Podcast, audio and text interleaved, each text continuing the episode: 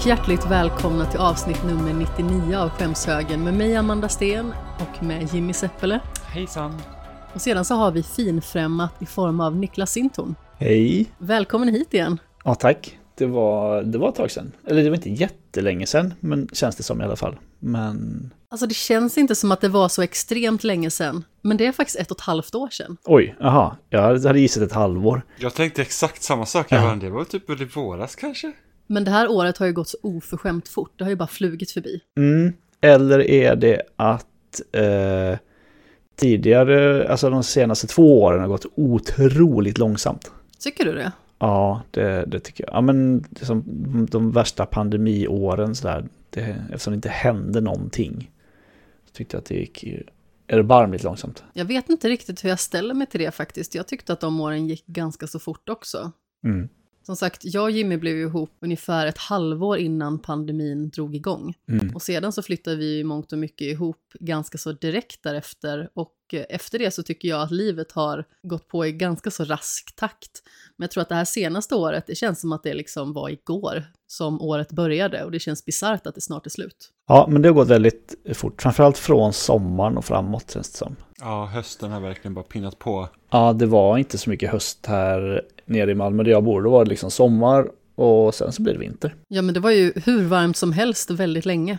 Mm, det var det verkligen. Jag tror att vi toppade här någonstans på 15 grader i november, va? Mm. Ja, ja men det, det hade vi nog också. Och sen helt plötsligt så blev det snökaos från ingenstans. Mm, nu har vi mest regnkaos här. Det kanske hörs till och med på min, eh, i min lilla mikrofon, men eh, nu regnar det. Jag tror att Discord är väldigt bra på att filtrera bort det. Mm, jag tror att mitt, eh, mitt eget filter också filtrerar bort det. Hoppas jag. Säkerligen. Annars är ju regnljud otroligt mysigt. Vi kan lägga på lite regnljud annars.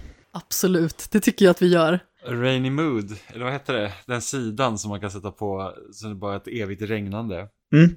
Det är liksom lite så pre eh, lo-fi eh, beats to chill slash study to typ. Faktiskt. Sätter på något så här typ ganska långsamt tv-spel-soundtrack och sen Rainy Mood på det och sen så är det, det är grejer det. Perfekt. Har ni något sånt ljud liksom som ni tycker är otroligt trevligt att lyssna på i allmänhet? Eh, ja men en, Det ska vara en, regnsmattor. ja, regn eh, eller en, en brasa är också otroligt härligt. Eh, Spraket liksom. Ja, fast det funkar ju inte riktigt att bara spela upp det ljudet. Du måste också, det måste också lukta brasa och känna att man känner värmen liksom. Eh, Det, det går liksom lite hand i hand. Det, inte, det funkar inte riktigt för mig med, med en sån video, brasvideo riktigt. Nej, vi har inte kommit till luktljud än. Nej, luktljud. Den kombinationen, det hade varit något. Mm. Kommer aldrig glömma bort när Superplay hade ett aprilskämt om att det skulle komma sån här dofttillbehör till GameCube som man kunde stoppa in i, i eh, kontrollkontakten. Det kommer jag Så ihåg. det skulle komma. Ja, jag var så pepp på det. Jag fattar inte att det var ett aprilskämt. Fast hade du verkligen velat ha det på riktigt? Alltså de sålde in det som typ klippt gräs när man spelar Mario Kart. Jag var så inne då liksom. Det var bara så här yes, give it to me. Fan vad nice. Jag blir bara ängslig när jag känner lukten av klippt gräs just för att jag är så himla allergisk mot pollen. Uh, annars det är inte så kul. Ja. Ett av mina favoritljud är ju naturligtvis kattspinn. Jag tycker att det är fantastiskt. Det är liksom Ja, gud, själa ja. helande på något sätt. Ja, vi har ju en, en av våra katter, hon, hon börjar ju liksom spinna när man, så fort man tittar på henne. Det är väldigt mysigt. Det är samma sak med vår katt. Ja. Fast han börjar spinna när han kollar på sin mat också. Oh, nice. Det är väldigt gulligt. Mm. När de börjar spinna bara, bara av tanken på att de kanske kommer att bli klappade är, är tillräckligt för att, för att få dem att börja. Det är mysigt. Det är faktiskt fantastiskt. Det är otroligt gulligt. Jag hade en period här med katterna där den stora katten åt inte så himla mycket. Det är den här katten som då spinner när han kollar på mat liksom och när han sitter och äter och eh, tidigare i sitt liv också låg ner och åt flera gånger som en riktig lirare. Ja, skönt. Den lilla katten gjorde honom så otroligt stressad för att hon hade en jättelång löpperiod så vi kastrerade henne bara för att vi liksom skulle kunna få stopp på det. Mm. För att det var typ en mardröm i fyra månader när hon gick runt och ylade och när vi trodde att det skulle vara över så började det alltid igen.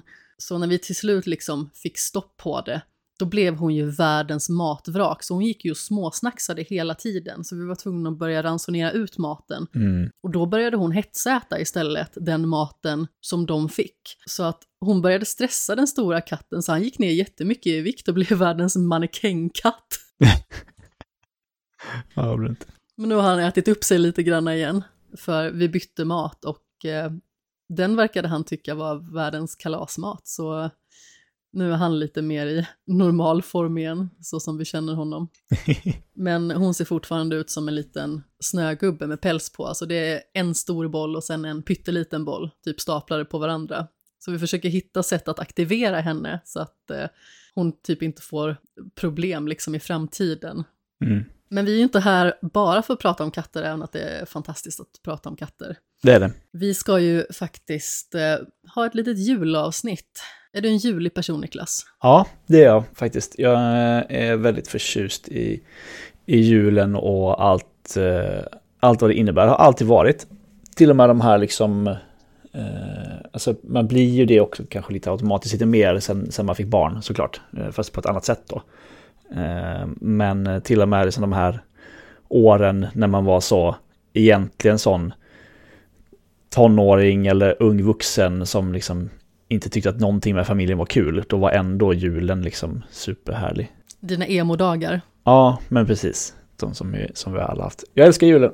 Det är superhärligt. Ja, jag vet ju att Jimmy är ju på lag jul också, absolut. Ja, gud, jag tycker, jätte, alltså, jag tycker jättemycket om julen. Eh, och eftersom vi liksom bodde ute på landet, liksom på en stor gård, så hade vi också jättemycket julpynt. Liksom hela huset. Det var, det var så här girlanger runt valven och, och jättestor gran och det var liksom, alltså pynt överallt verkligen. Eh, och det var ofta jag som roddade med det också. Du har ju målat upp hur vår framtid kommer bli om vi någon gång skaffar hus. Eh, ja, mycket julpynt överallt. Det kan man göra i lägenhet också. Jo, jag vet, men jag får inte. Nej, äh, det är dåligt. Det har, det har smugit sig in en liten ny julpryl varje år nu, så att det liksom sakta men säkert. Jag har börjat så här habituera till Jimmys jul. Aha. Är du ingen julperson alltså? Nej, det är jag faktiskt inte så jättemycket. Alltså det som jag uppskattar framför allt med jul, det är liksom att få ta det lugnt och mysa med dem som man tycker om allra mest. Mm. Sedan så tycker jag väldigt mycket om att ge presenter. Jag älskar att ge presenter i allmänhet, så det är ju någonting som går runt hela året egentligen. Men jag börjar ju köpa julklappar väldigt tidigt, typ i augusti, bara för att jag känner liksom att om jag kommer på någonting bra, då vill inte jag vänta, för jag vill inte riskera att den saken ska ta slut eller att den kanske slutar säljas. Så jag är liksom tidigt på bollen. Mm. Men jag gillar verkligen att ge klappar. Jag har sån prestationsångest när det gäller det där med att ge julklappar, så jag tycker det är lite, det är lite jobbigt. Jag förstår faktiskt det. Ja. Alltså, man tänker ju att den man ger till kommer ge någonting som är så himla mycket finare till en själv och sen så blir det ju alltid den här vuxengrejen Mm. med att man tänker liksom på hur mycket det kostar. Det tänkte man ju kanske inte lika mycket på när man var barn för att då var det ju väldigt kul att få julklappar och när man väl kunde ge typ sina föräldrar julklappar ordentligt för första gången så kände man sig så himla vuxen och duktig Mhm. och som att man liksom har åstadkommit någonting på riktigt. Och vi Eh, kom väl till liksom det gemensamma beslutet, jag och mina systrar, eh, när, eh, ja men igen då när, när, barn, när barnen kom, eh, att då skiter vi och ge, då, då ger vi bara eh, julklappar till, eh, till barnen. Och det är jättemycket roligare att, att skaffa julklappar till, till små barn än vad det är till vuxna alltså. Det måste jag säga. Och det är svårare när folk blir äldre i julklappar med tanke på att, ofta har de liksom jobb och pengar som de kan köpa det de behöver. Ja, man behöver ju ingenting. Eller ja, barn behöver ju inte heller. Nej, men- men barn blir liksom, alltså det är roligare att ge Ja. till barn på det sättet. Eh, för att Ja. vuxna blir så att, ja, okej, ska jag köpa något för sakens skull? Liksom. Ja. Ja, det är en väldigt fin eh, känsla det där att bara eh, sitta där liksom i, i soffan med något gott att dricka och en mysig tröja och så är det en, en brasa sådär i kaminen hemma hos mina föräldrar och så titta på när barnen öppnar julklappar. Det är mysigt. Ja, men det kan jag tänka mig. Mm. Nu har vi ju liksom inte barn och eh, de barn som vi har umgåtts med mest är våra kompisars barn. Ja, och de firar ni kanske inte jul med då? Eh, vi firar lite jul Men ni gör det? Ja. när vi åker upp Vi brukar åka upp dit på nyår, så då blir det lite julfirande också. Så Mm. vi tar liksom det som ett helhetspaket. Mm. Det är ju liksom väldigt trevligt att se den glädjen ändå i barn. Ja, det är det. De blir jätteglada och sen så glömmer de bort vad det är de har fått tre sekunder senare för då har de kastat det över axeln och hoppat, hoppat på nästa, eh, nästa paket. Exakt. Eh, Jag lyckades ju göra en eh, liten blunder när vi skulle upp dit för kanske två år sedan. Vi åker ju till Uppsala och hänger med dem där i några dagar och myser och då var det som så att vi hade slagit in ett litet gosedjur i form av en dinosaurie. Det var supermysigt och jättefint och både jag och Jimmy var väldigt pepp på att ge den här till lilla Lo. Och eh, jag hade slått in det så otroligt dåligt. Mm. Så att, hon, så att när hon tar upp paketet, då trillar gosedjuret rakt igenom. Snyggt. Sen dess är det jag som slår in. Ja, det är bra. Ja, och du satte dig på Williams paket Ja, det gjorde jag faktiskt. Jag satte, Oj. men det höll. Vad var det den? Det var ett gosedjur så det Ja, var inte så okej. farligt. ja, det var... Men eh, paketet höll i alla fall. Du ska ju inte stoltsera för mycket med dina inslagningskunskaper här med tanke på att du försöker att förgöra dem i samma veva. Men jag tycker att jag lyckades ganska bra ändå. Det är liksom, det, man, måste ju, man måste ju trycktesta inslagningen. Precis, Mm. för säkerhets skull. Jajamän, det är då man vet att håller det då, då är det bra. Det är ett starkt test ändå. Men du sa att du gärna vill sitta i en sån här mysig tröja. Har du någon sån här speciell jultröja som du gärna tar på dig? Ja, jag har en jultröja. Jag tänker att det räcker. Eftersom man har den en gång om året så behöver man inte ha en samling med jultröjor. Jag har en som med, med, med eh, vad heter det, med Darth Vader på. Den är fin. Det är också inte så, jag är inte så förtjust egentligen i stickade tröjor för att jag tycker det blir så jävla varmt. Eh, så det blir liksom en dag om året som, som det känns nice. Jag kan tycka att det är väldigt trivsamt med stickat och gärna liksom så stickade polotröjor och så. Mm. Jag har ju av någon outgrundlig anledning fyra stycken jultröjor och jag vet inte hur det gick till. Du som inte ens gillar julen. Alltså det är inte det att jag ogillar julen, men det kanske liksom inte är så att jag är den juligaste personen. Jimmy blev ju typ kränkt när han kom hem till mig under julen och jag hade en liten plastgran i fönstret som jag liksom hade sett i så här mini-julkulor i och sedan en Super Mario-stjärna i toppen. Ja, det är bra. Han tyckte att det var för dåligt pyntat. Jag fick slåss för att få den stora granen. Ja, men det fick du också. Ja, precis, men med många om och men. Ja, det vet jag inte om det var så många om och men ändå. Jag tänker inte spendera så här mycket pengar på en gran. Sa jag verkligen så? Ja, det var verkligen så. Jag bara, men alltså herregud, det är inte du som ska spendera alla de här pengarna. Och den var inte ens dyr, vad kostade Vi den? Typ? spenderade tillsammans. Ja, precis. Det blev väl typ 600 spänn. Ja, och vi kan återanvända den för att vi går inte och knycker någon gran. Exakt. Men den gav ju redan valuta för pengarna första året för att den var så fin. Så att, eh, ja, Så nu är det en vinstaffär. det tycker jag Ja. definitivt. Vi har ju ehm, pri- privilegiet att vi eh, kan få en gran från min sambos jobb. Eh, när man granar över, liksom, som annars slängs. Eh, Jaha, Men då kan man inte riktigt... Eh, då, då är det bara en sån, den är som inslagen i, i nät. Liksom. Eh, så då, då vet man liksom aldrig hur, hur stor den är, till exempel. I år är den, eller hur gles den är. Ja, i år är den jättestor. Den är liksom Oj. så som kanske snarare skulle liksom vara i något eh, i någon herrgård typ, känns det som. Eller om man har ett jättestort hus på landet liksom där du har så ett finrum där granen kan få ta mycket plats. Eh, Typ den storleken på gran har vi i år. Så vi fått så flytta på, på liksom matbordet och, och ja, den står lite så intryckt mot väggen. Men den är väldigt fin. Såg ett litet hål i taket också så att toppen får plats. Ja, nästan. Vi fick eh, kapa lite på toppen. Eh, Alltså det var så här lång topp som bara stack upp liksom, så den skulle ändå kapas. Men den, eh, ja, den var gratis. Det är ju bra. Men har ni pynt tillräckligt och så täcka upp det så att det inte blir liksom ett ratio mellan pynt och gran är tillräckligt bra? Ja, om ni, om ni någonsin har träffat min, min eh, sambo så, eh, så har ni förstått att det finns pynt så det räcker att bli över för många granar och för många hus eh, i, i, vårt, i vårt förråd. Ja, Men det är så det ska vara. Ja, hon samlar på sig väldigt mycket pynt. Det är jättemysigt. Jag ska absolut inte klaga. Det är bara eh, ibland man hittar så här låda efter låda efter låda efter låda efter låda med, med pynt. Liksom. Jag tror när jag, när jag bodde hemma så hade vi fem eller sex stora liksom så här banankartonger Äh. med pynt. Som liksom skulle upp varje gång. Ja, det ska upp varje gång. Och ner varje gång framförallt. Det är ju så tråkigt. Det är ju så jävla tråkigt. Ja, Men det var ju bara jag som skötte det hemma till slut. Så de andra ville inte göra det. Det var så här, åh, när ska du börja pynta? Man sa bara, ja alltså, jag kan vara kvickare på att pynta om ni hjälper till liksom och packa ner det sen när det är uppe. Då, då var det inte lika populärt. Då var det sen, ja, måste det vara så mycket då? Här hemma hos oss i år hände ju bara julen. Jag gick och tog en eftermiddagslur som man gör, som en 30-årig gubbe, fast egentligen kvinna. Och eh, sedan så vaknar jag, går upp och då står granen där, pyntad och klar. Jag vet inte hur det gick till. Nej. Det var ju så lite, det där går ju liksom på en handvändning så att det är inga problem. Jag är ju proffs vid det här laget. ja, just julgranspyntandet har jag också outsourcat för att jag har eh, hemma hos mina föräldrar så har jag två systrar som älskar att pynta granen. Och eh, hemma har jag en, en sambo och eh, nu då eh, ett barn som älskar att pynta granen. Så då, då är jag mest i vägen känner jag. Så då så, nej okej, då kan jag fixa något annat istället. Och så får jag komma och titta på granen sen när den är pyntad. Det är bra. Du sätter dig i bakgrunden med en kopp glögg och bara observerar. Nej, det, det blir inte så bra stämning. Men man får fixa med något annat istället. Men eh, man ska liksom inte vara för många kockar när man, när man klär en gran, tror jag. Det blir liksom lite...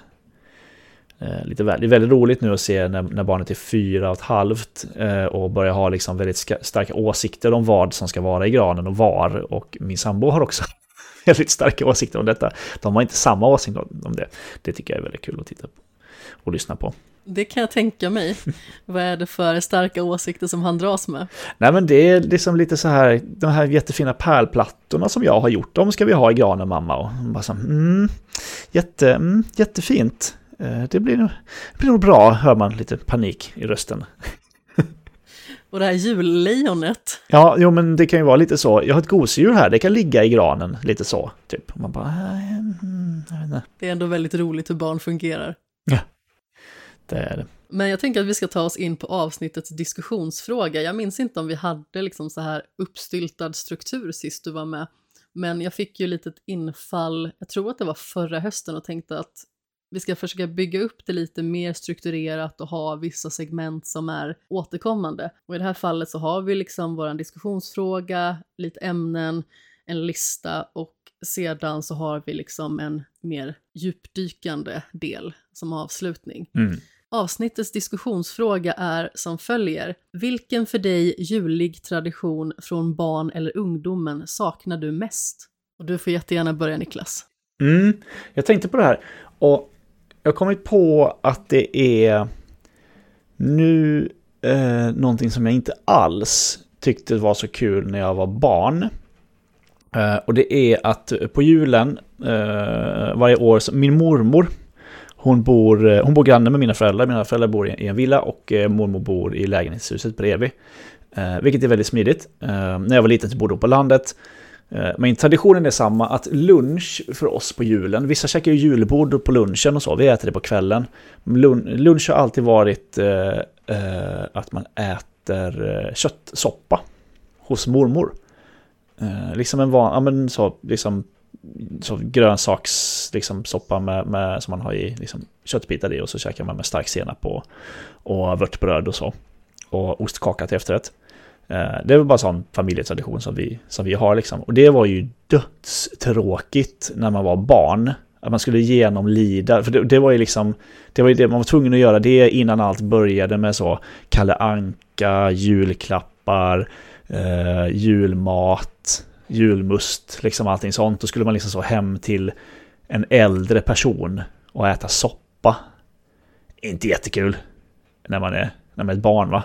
Vilken plåga. Ja, men lite så. Men eh, sen så, liksom, så lärde jag mig älska det för att det är så himla, himla mysig tradition. Och nu gör vi inte det hos mormor längre, för hon, hon fyllde ganska nyligen 97. Eh, så hon är liksom lite äldre om man säger så. Eh, så det liksom funkar inte riktigt att vara hos henne så hela, hela släkten liksom. Men då gör vi det hos oss istället. Vi käkar fortfarande soppan. Men eh, den, det är en sån där grej som jag inte tyckte om och sen tyckte jättemycket om och nu, och nu saknar liksom. Särskilt det här med att man då var ute när jag var mindre barn, att eh, mormor då bodde på en bondgård liksom, på landet, att man åkte ut på landet. Så. Det saknar jag. Vad fint. Mm.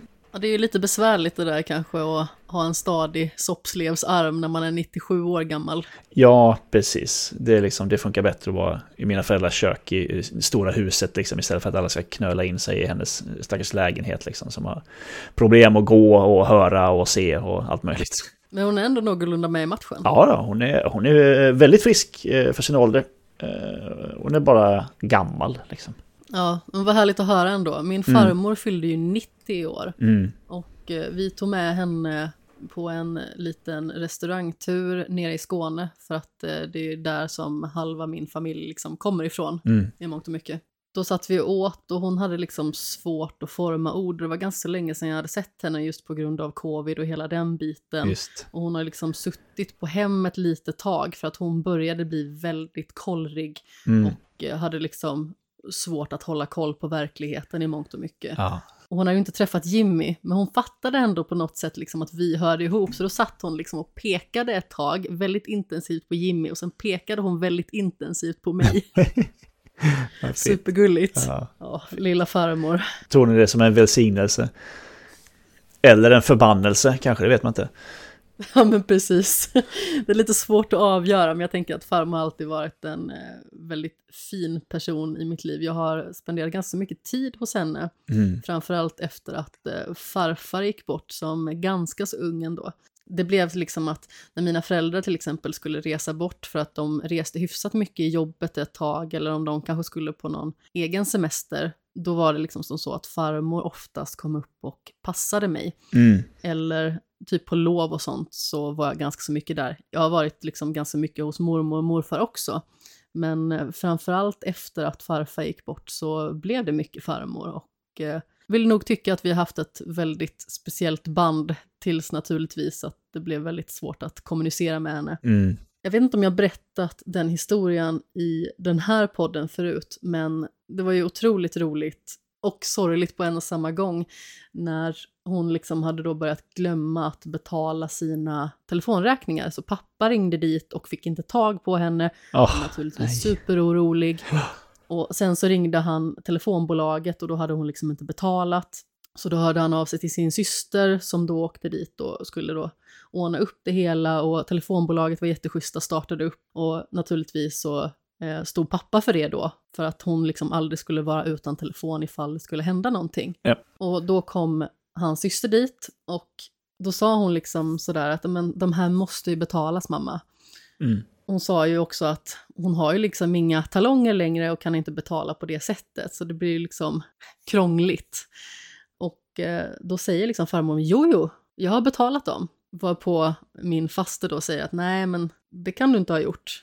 och då säger hon, jo men jag skickar iväg dem. Blir också lite konstig stämning, så här, skickar iväg. Ja, du skickade iväg dina fakturor. Då hade hon lagt dem i ett kuvert och skickat dem till Hässleholm. Okej. Den är ändå spännande. Och då säger ju naturligtvis min faster så här, men du förstår väl att de kommer ju liksom aldrig komma fram till rätt ställe. Jo, jo, jag satte på frimärke. Liksom, då var det löst. Det var ett frimärke på, på ett brev och så bara, det här är någon annans problem nu. Ja, jag skickat det till någon annan. Jag tycker det ändå är underbart i liksom det här tragiska att hon inte har koll på omvärlden längre. Att hon har någon form av referenspunkt som har med Hässleholm att göra. Ja. Och därför så skickade hon liksom sina andra fakturor dit. Ja. Otroligt roligt. Jimmy, vi övergår till dig. Och mina jultraditioner, eh, Ja, eller julig tradition. Det behöver ju liksom kanske inte vara sådär att men, när jag var sju så dansade vi runt granen 17 varv. nej men vi, vi har egentligen inte haft några stora, stora traditioner för vi har alltid firat jul hemma.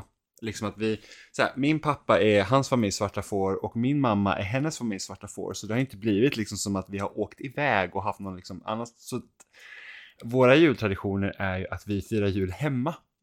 Eh, och sen har mormor kommit till oss. Det är liksom typ den. Och så äter vi liksom hemma och har eh, ah, julmiddag egentligen hos oss. Vilket har varit väldigt trevligt tycker jag då som tycker om att vara, liksom, vara hemma.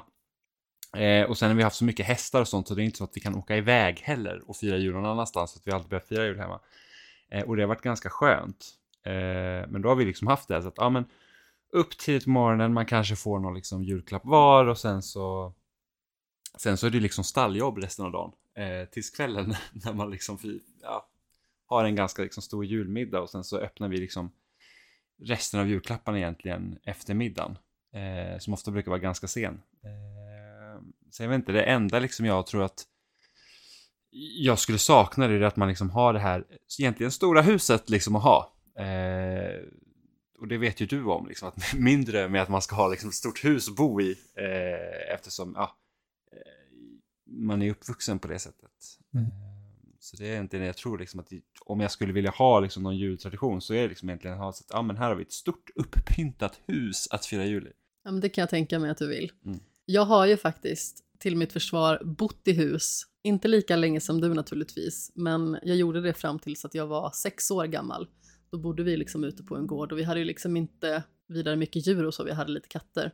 Men eh, jag vet ändå hur det är att bo mitt ute i ingenstans och hur det är liksom när eh, skiten träffar fläkten.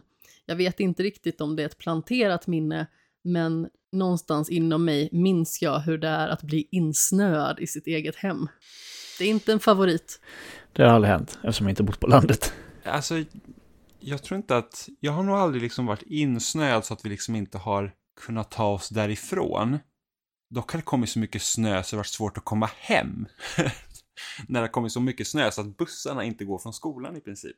Eh, och jag tror jag vet att det var någon sån här busschaufför, jag tror det var, då bodde vi, alltså ännu sämre till liksom än, än, äh, än vad vi senare flyttade till när vi var lite äldre, men och då var det så här, busschauffören så här vände sig om till mig och min syster, för vi var ju typ sist på linjen. Så det var så bara, om jag stannar här, skulle ni kunna gå? Frågade han mig och min syster. Och man så här bara, alltså det är så pass mycket snö och det, därifrån du vill släppa av oss, så är det typ två kilometer dit. Och det är så mycket snö att man måste liksom verkligen pulsa genom snön. För man kan liksom inte gå mitt på vägen. Inte riktigt okej okay att släppa av barn så, som, eh, eh, som, som vuxen. Det är inte, är inte, jag tror att hade det varit idag och det hade kommit fram så hade det blivit tidningsrubriker av det i alla fall. Ja, precis. Jag vet inte ens om det är liksom lagligt att göra på det sättet. Ja. Ehm, och vi var typ så här, nej, kan inte du snälla försöka köra oss hem liksom?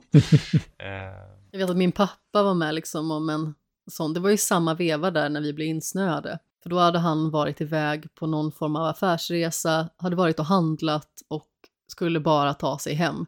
Men det var så himla mycket snö och oskottad väg så han var tvungen att ställa sig uppe vid stora vägen och gå hela grusvägen med jättehög snö att pulsa igenom och med de här kassarna. Mm.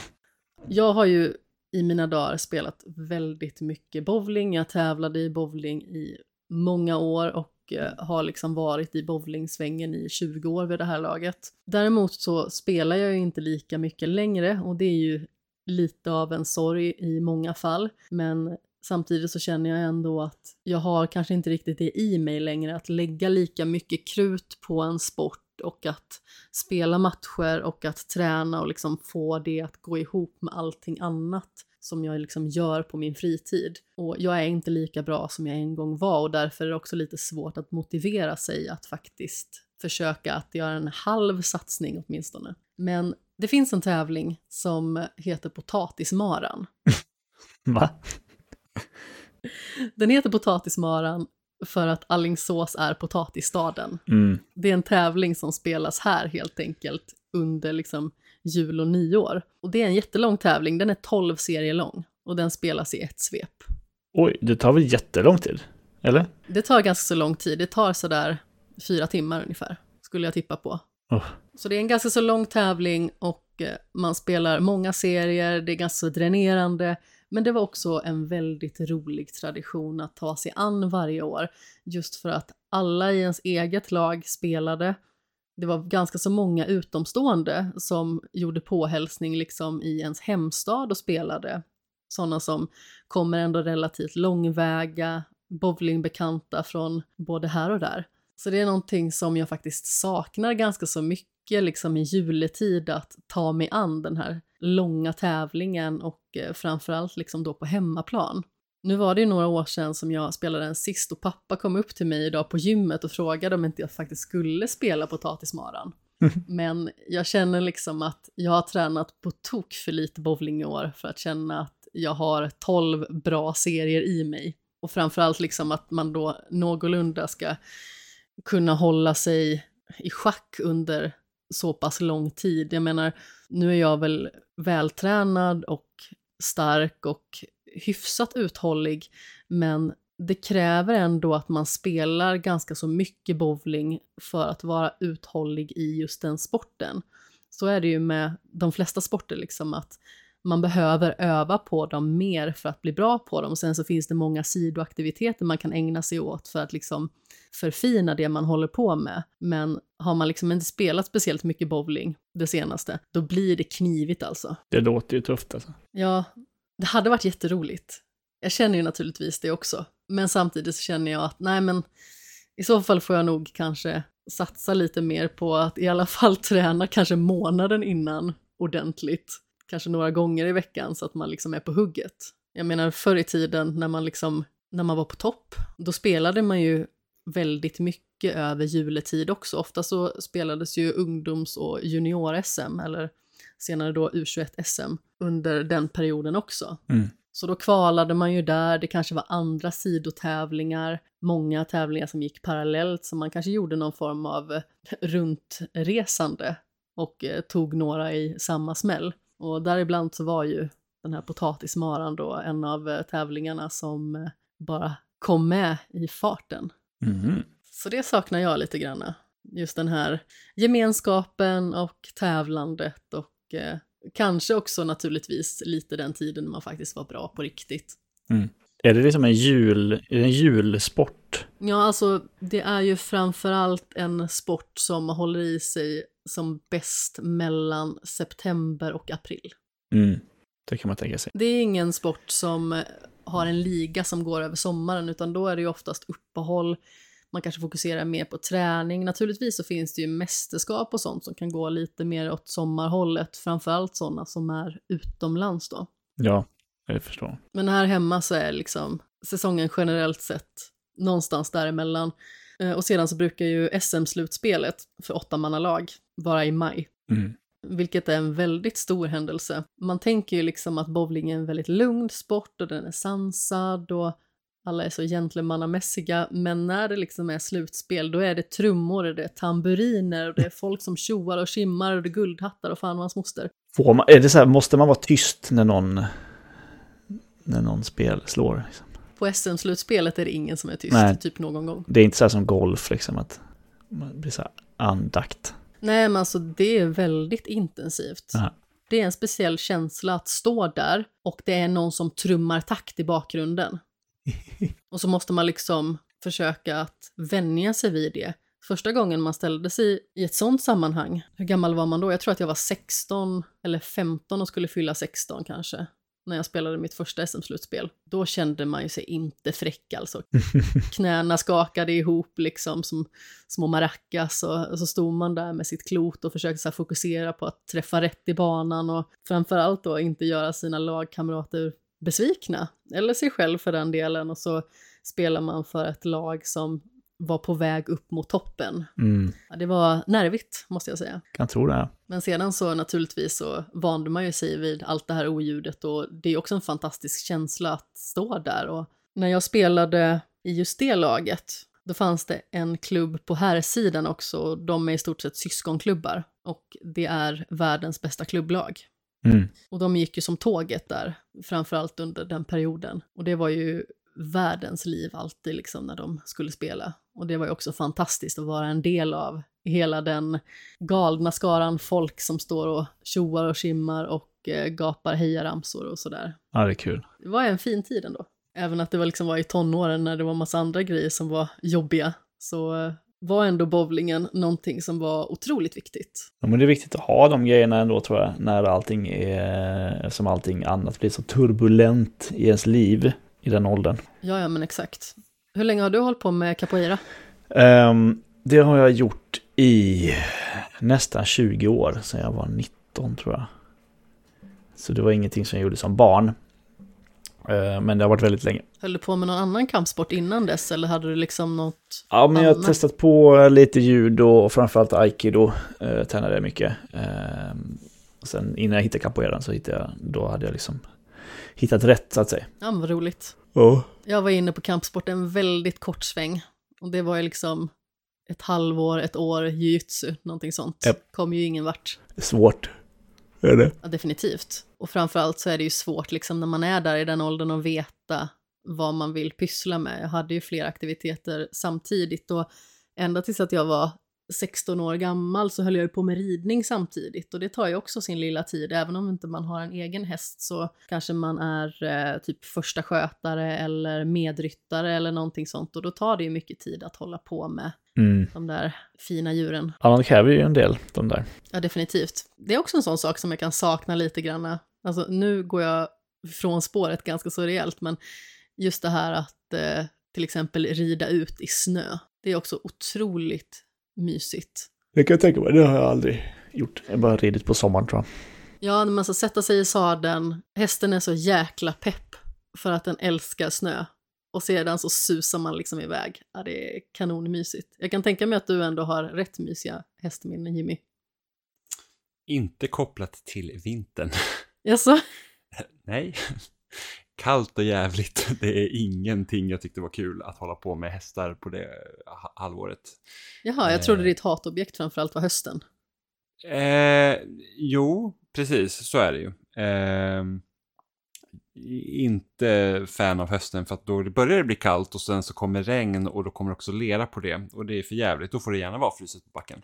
Eh, absolut, men eh, eftersom eh, det var ju ingen säsong för hästarna liksom eh, på vinterhalvåret för min egen del så var det inte så att man tävlade då. Eh, och då i bästa mån så kunde man i alla fall få slippa att eh, köra eh, under den perioden. Men sen drar man ju, ofta drar man igång eh, med hästträningen när sportlovet drar igång. Liksom.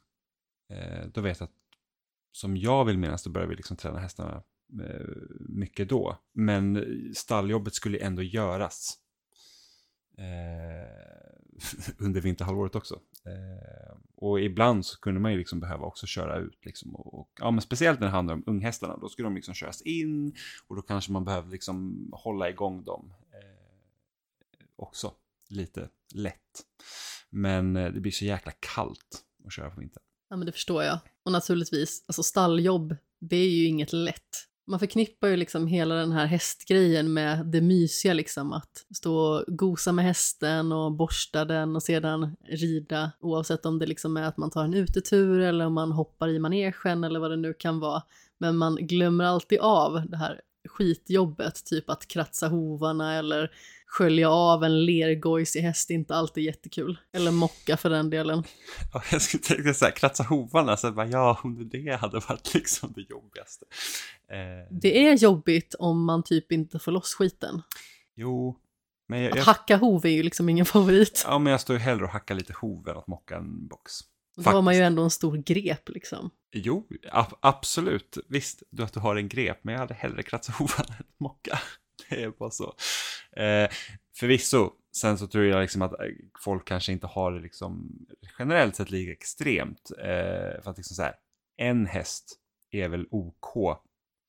Eh, vi hade ju liksom runt, eh, ja, en 20 hästar som stod inne på box. Och sen så hade vi liksom eh, ytterligare liksom hästar som gick ute kanske på lösdrift och sånt. Och sen på somrarna kunde vi ha runt upp mot eh, ja, 80 hästar på gården totalt. Så att eh, då, då är det lite mer. Ja, men precis. Jag hade ju två stycken sköthästar bara, som jag liksom var ute och tog hand om lite extra. Då var det Hercules och Charles Ingvar. Ja. Och lite då och då. Ja, men precis. Jag tror att när man var första skötare så var man tvungen att vara där kanske tre, fyra dagar. Och var man andra skötare så kanske en dag extra eller någonting i relation till då när man var och faktiskt hade sina ridlektioner och så. Mm. Men nu blir det mycket hästsnack och mycket bowlingsnack och allt möjligt. Och jag tänker att vi ska gå vidare på dagens ämnen.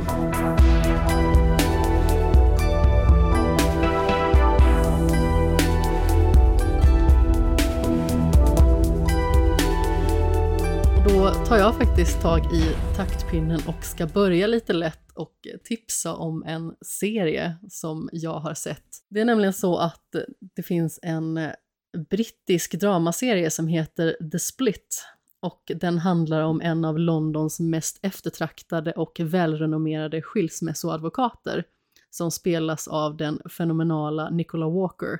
Det är en av mina personliga favoriter. Jag har aldrig sett henne göra en roll som är ens halvbra, utan hon är alltid superb verkligen. Och i vanlig ordning så är ju den här serien en sådan som är så otroligt bra på att förmedla relaterbara känslor. När det gäller brittiska dramaserier så är det ju ofta så att man känner hur jordnära de är och man förstår sig ofta på karaktärerna även om man kanske inte håller med dem. Däremot så gjorde jag en liten malör och det var ju väldigt olyckligt för att det var nämligen så att vi har fått en ny chef uppe på kontoret och eh, vi satt och pratade lite under en lunch och kom fram till liksom att vi uppskattade väldigt liknande serier. Hon uppskattar också liksom kriminalare, deckare, dramaserier liksom som kanske har lite mer med juridik och sådär att göra. Och eh, då tipsade hon mig om den här serien och den hade helt flugit mig förbi så jag går in på SVT, det första jag gör liksom i mångt och mycket när jag kommer hem, slår på den här serien, är helt fast, är totalt hjärtekrossad och sitter och gråter massvis i den här serien och det kändes liksom som att man verkligen kastades in i berättelsen direkt och att det hände så himla mycket och den var väldigt stark och otroligt fin och hjärtskärande. Man fick en sån djup känsla av medmänsklighet för så många av de här karaktärerna som serien berör. Och sedan så ser jag klart hela den här säsongen. Och sedan så får jag liksom ett infall då och ska söka på serien, The Split. Går in på min telefon, söker på serien, fyra säsonger. Gnuggar ihop händerna, blir jättenöjd. Tre säsonger till. Vilken lyx! Jag blir ju superglad. Jag såg ju den här Unforgotten med henne i fjol och den var också fyra säsonger och det var verkligen en otroligt minnesvärd upplevelse. Men då visade det sig att eh, jag har börjat kolla på säsong tre. Oj. Och det kändes liksom som att det här skulle kunna vara från början, men det var det inte. Och det visade sig att fjärde säsongen fanns inte på SVT och de två senare säsongerna verkar inte heller finnas. Eller så var de liksom väl dolda, för att den säsong jag fick upp var säsong tre. Började på den, plöjde den och sedan så visade det sig liksom att jag har ju gått miste om två säsonger innan den här. Nu när jag sökte på den igen så fanns de här två säsongerna uppe, så jag ska ju dra igenom dem så fort jag får möjlighet, men jag känner mig väldigt snuvad och så himla klantig.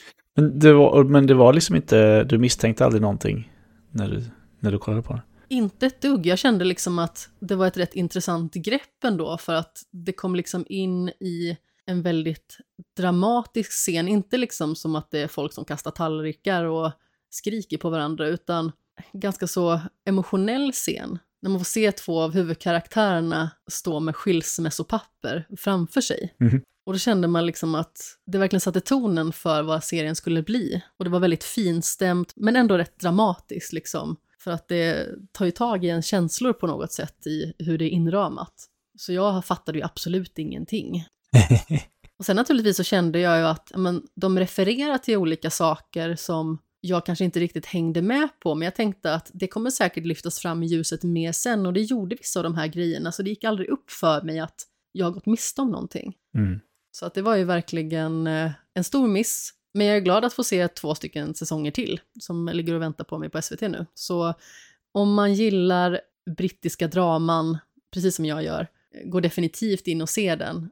Förvänta er en tårdrypande tredje säsong i alla fall. Det var hårt liv där för mig ett tag. Det var många näsdukar som behövde användas. Och tänk om du hade förstått allt som ledde upp till det. Precis. Det hade ju varit ännu värre. Förmodligen hade det ju varit så. Ändå vilket bra jobb de måste ha gjort om man ändå kunde komma in i tredje säsongen utan att ha sett de övriga. Det slog mig inte en enda sekund att jag skulle kunna vara helt fel ute med vad jag började för någonstans. Jag tryckte på avsnitt ett liksom.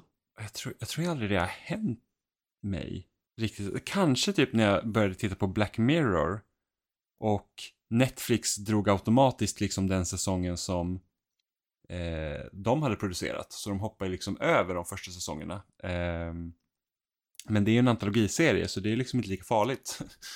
Det var liksom inga problem att gå tillbaka till de tidigare säsongerna och känna så här att ah, det där är ju varje avsnitt ganska fristående.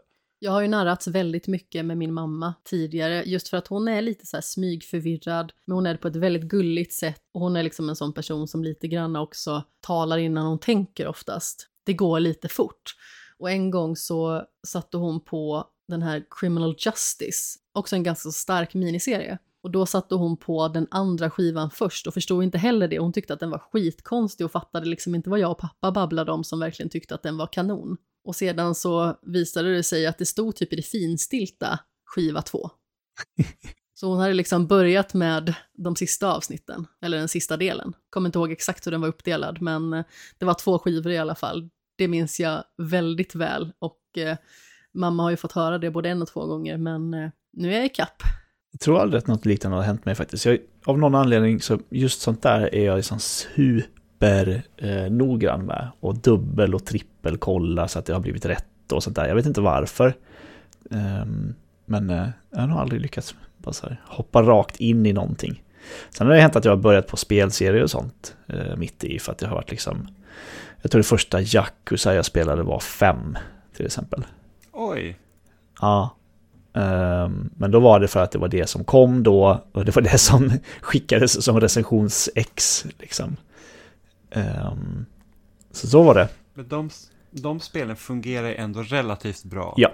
Att kunna liksom spela i, i någon form av oordning. Ja. Eh, Så jag har spelat dem, nu i ordningen har jag spelat 5, 0, 6, Kiwami, alltså remaken på ettan, och Kiwami 2 mm. och 3. Och 7 sen.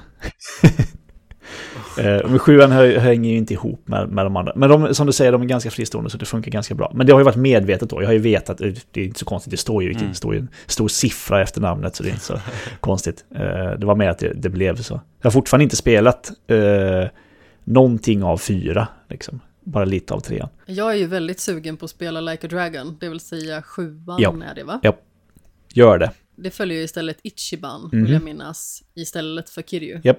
Jag har ju kollat väldigt mycket på när Jimmy har spelat eh, de tidigare Yakuza-spelen, så jag vet ju liksom lite grann vad det handlar om och hur förvånade alla blir, även att det 71 gånger tidigare har blivit någon sån här brutal twist som man absolut inte kunde se komma. Ja, med, Fast alltså, det, det är, alltså de är helt sjuka de spelar. Det är så här twist på twist på twist. Alltså man sitter ju bara med liksom, hakan nere liksom, eh, vid fotknölarna i slutet. För att det är så här, va? Liksom, det, det är liksom, man ser en twist komma och så bara, ja ah, men okej, det är liksom det här är grejen. Och sen så blir det en till twist och en till och en till. Och man så bara, va? Vad är det som händer? Det är ja, så fascinerande. ja, de är otroliga verkligen. Det är de. Ja. Jag har inte spelat Like a Dragon än. Gör det. Det är jättebra. Ja, för att jag var ju så att när de när de utannonserade Like a Dragon tror jag då var det så här bara att hur, alltså, hur tar man liksom ett spel som har varit egentligen typ en street brawler till att bli liksom ett, ett, ett omgångsbaserat liksom rollspel istället. Och jag säger, jag, jag måste spela det. Men då ville jag ju spela alla andra spel tidigare. Eh, innan. Och så har jag ju spelat igenom då Zero till 6. Ja, och då blev det så att ja, men nu har jag liksom, nu har jag liksom upplagt för att jag ska kunna spela Like a Dragon och sen har det bara inte blivit av. Och nu finns ju Like a Dragon både på Game Pass och man har fått det via Playstation Plus. Ja. Så det finns ju egentligen inga ursäkter. Ja, nu är det ju bara tid det handlar om. ja. Att man liksom ska ta sig tiden att spela det. Du får ju spela det innan, innan åttan kommer. Där har du ju både Ichiban och Kiryu. Det kommer ju bli... Åh, Ja. gud. Jag vet! Och så ska det komma dessutom ett spel som med Kiryu som utspelar sig mellan Ja, just det. Ishin, ja. sju. Det kommer snart, tror jag. Om jag inte har helt Nej, fel.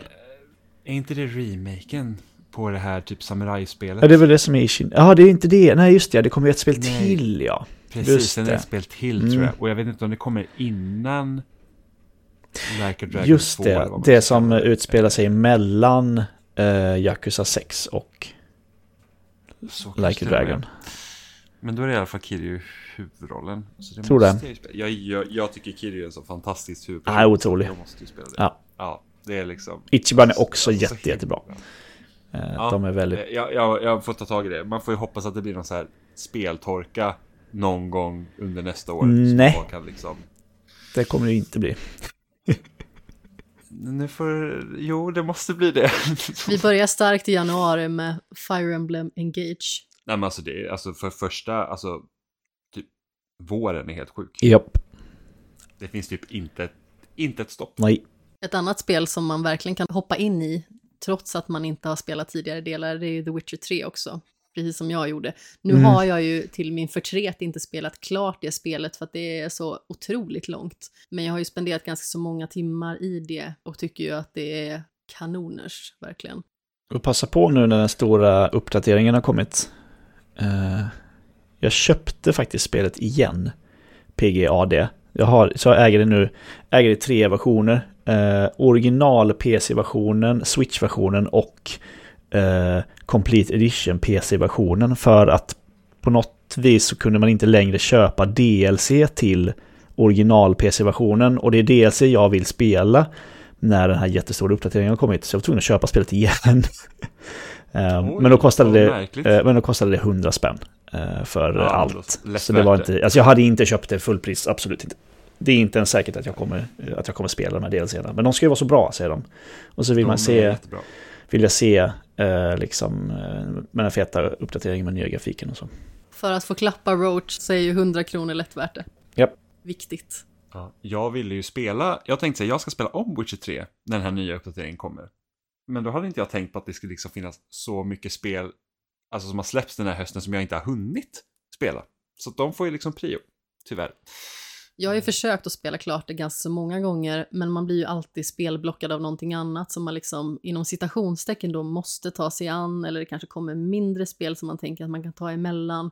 Och det är ju liksom svårt att ta sig ur det och sedan komma tillbaka in i det. Men varje gång det har släppts en ny säsong av The Witcher tv-serien så har jag blivit så vrålpeppad på att spela det igen. Ja, alltså jag, jag kommer ju aldrig spela hela det igen. Det kommer inte hända. Du la väl typ så här 300 timmar i det eller någonting? Nej, faktiskt inte så mycket. Jag, eh, gjorde, jag var inte den som så gjorde allt i det. Jag spelade ju väldigt mycket när det väl kom. Jag tror inte att jag recenserade, så jag, jag tror inte att jag sprang igenom det så, men jag spelade väldigt mycket. Jag kommer ihåg, det var det spelet som jag spelade liksom först när jag köpte min förra dator. Det kom precis då.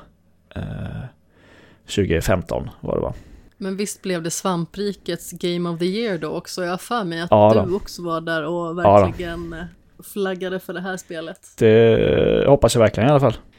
Det, eh, det måste det ha blivit, annars, så, annars är det något som är fel i efterhand. Det har ju blivit fel eh, för Särskilt när jag inte har varit med, då har det ju varit fel ibland. Ja, ja det, det är jobbigt. Man hatar när det händer. Som när Tobbe lyckades mygla Alien Isolation till första platsen.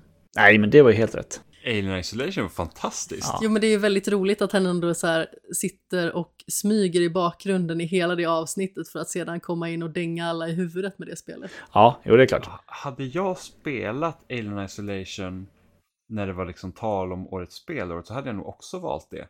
Mm. Om inte jag minns helt fel så valde jag typ Dragon Age Inquisition, kanske. Det spelar jag inte ens färdigt. Nej, jag valde Banner Saga 2014. Oj. Det var inte alls Dragon Age. Året efter det, 2016, då valde ju mina kära, eh, valde mina kära kollegor eh, eh, fel. De valde ju eh, Overwatch som eh, årets bästa spel. När det var Doom som skulle ha vunnit. Jaha, du tänkte så. Så tänkte jag. Jag tänker ju Inside. Nej, också bra. Vad fan valde jag 2016? Jag har ju Metal Gear Solid 5 där också. Jag har ju Undertale, Bloodborne. Ett sjukt eh, Sjukt år. Stardew Valley. Eh, ja, det stämmer nog. Nej, var inte Bloodborne... Var det 2016? Var inte det 2015? Jag var med på våran eh, årets spellista 20... Nej, förlåt, det var 2015. Ja, sorry. Eh, nu blandar jag ihop grejer. Just det, 2015 var ju Undertale, Bloodborne och Metal Gear Solid 5. Ja. Helt rätt. Ja, Jag hade Hitman, till exempel, 2016. Också ett otroligt spel. ja men det spelar jag senare. När jag testade det så var det ganska så trasigt. Det var när de två första episoderna hade kommit och jag hade inte kul med det, fastnade i en låda och alla stod utanför och väntade på mig. Ja, det låter ju som du fick den genuina Hitman-upplevelsen tycker jag. Det kan man tycka, jag hade inte roligt. Men det har varit väldigt roligt att kolla på Jimmy när han har spelat de spelen. Ja. Uncharted 4 kom då, Ratchet and Clank remaken, alltså Inside. Dark Souls 3. Ja, Stardew Valley. Ja, det var mycket bra det också. Definitivt. Jag tror att 2017 var ju det galna spelåret där det kom så otroligt mycket bra. Det gör det ju varje år alltså. Vi snackar om det. Eh, Folk, folk tycker att 2022 är så svagt. Jag har nog 20 spel på min topp 10-lista. eh, hittills. Oj! Ja. Det är, många möjligt? spel. Jag, jag hade fan svårt att säga så här, att alltså jag måste spela fler spel. För att jag har ändå spelat väldigt mycket spel i år. Jag har väldigt få spel som jag tycker platsar i min personliga topp 10 liksom. Åh fan. Jag har svårt att få ihop en topp 10-lista. Oj då. Ja, jag har många. Jag har en väldigt solid sexa. Uh, Där har jag landat. Jag har sex stycken spel som jag verkligen tycker är suveräna. Samtidigt så har jag några spel som jag känner att jag inte riktigt har hunnit med. Bland annat ett spel som du kommer vidröra lite grann sen, så jag avvaktar med att säga vilket det är. mm. Men när du säger det så kan folk säkert lista ut det. Men jag tänker att vi ska gå in på ett litet sidospår. Alltså det är ju ett av dagens ämnen naturligtvis. Men det är ett lite annorlunda ämne för att här är det romcom-fade som gäller Jimmy. Oj, och tittar hon arg på mig? Jag tyckte att jag kände mig bestämd mer än arg, men jag är dålig på att verkligen sända ut klockrena signaler, så jag tar på mig den. Ja, ja, men knäskålarna skallrar så att det gjorde väl sitt jobb antar jag kanske. Det vi ska prata om är en form av intern feed som jag och Jimmy har haft. Nu är ingen av oss vidare mycket romantiska komedipersoner på något vis, utan vi gillar ju kanske lite mer filmer ur feelbad-genren. Men däremot så står vi på varsin sida i den här klassiska duellen mellan Love actually och The Holiday. Jag är den personen som håller Love actually högst, medan Jimmy är den som håller The Holiday högst. Och vi har inför det här avsnittet sett om båda filmerna bara för att friska upp våra minnen lite granna och kunna prata någorlunda vettigt om dem.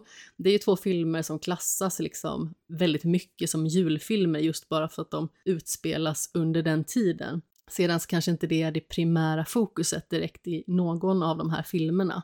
Men eh, det pratas ju oftast om de här i romcom-svängen. Och då frågar jag dig Jimmy, tycker du fortfarande att The Holiday är den bättre filmen? Eh, ja, jag tror nog faktiskt att jag föredrar den. Eh, Vilken tur på något sätt, för att annars känner jag att det blir Ja, en väldigt tråkig bara, ja, diskussion om jag lyckats vinna över dig. Ja, nej, men... Och jag tror... ehm, Dock så tycker jag om Love actually mer den här gången när jag såg den än vad jag gjorde första gången. Och, och då är det så att jag har inte sett Love actually sedan typ 2004. så att det var ju liksom en väldigt eh, länge sedan. Du var ju väldigt hård mot den filmen på förhand. Du sa till och med att du avskydde den. Ja, men jag tyckte den var så... Jag kommer ihåg jag tyckte den var så tråkig. Men jag var ju också typ 13 när jag såg den. Ja, och jag var ju då 12 gissar jag när den kom hit. Mm. Eh, och inte för att jag inte hade liksom tyckt om att kolla på romantiska komedier när jag var så ung, så att det, det är inte det. Så att jag kände liksom att jag hade någon så här, så här pubertal avsky automatiskt mot den filmen.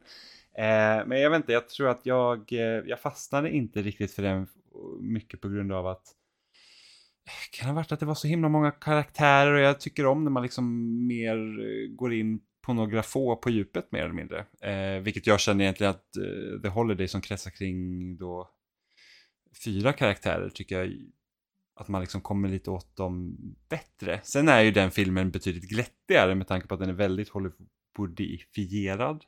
Eh, och Love actually är ju lite mer liksom eh, den känns mer liksom jordnära eh, än vad The Holiday gör.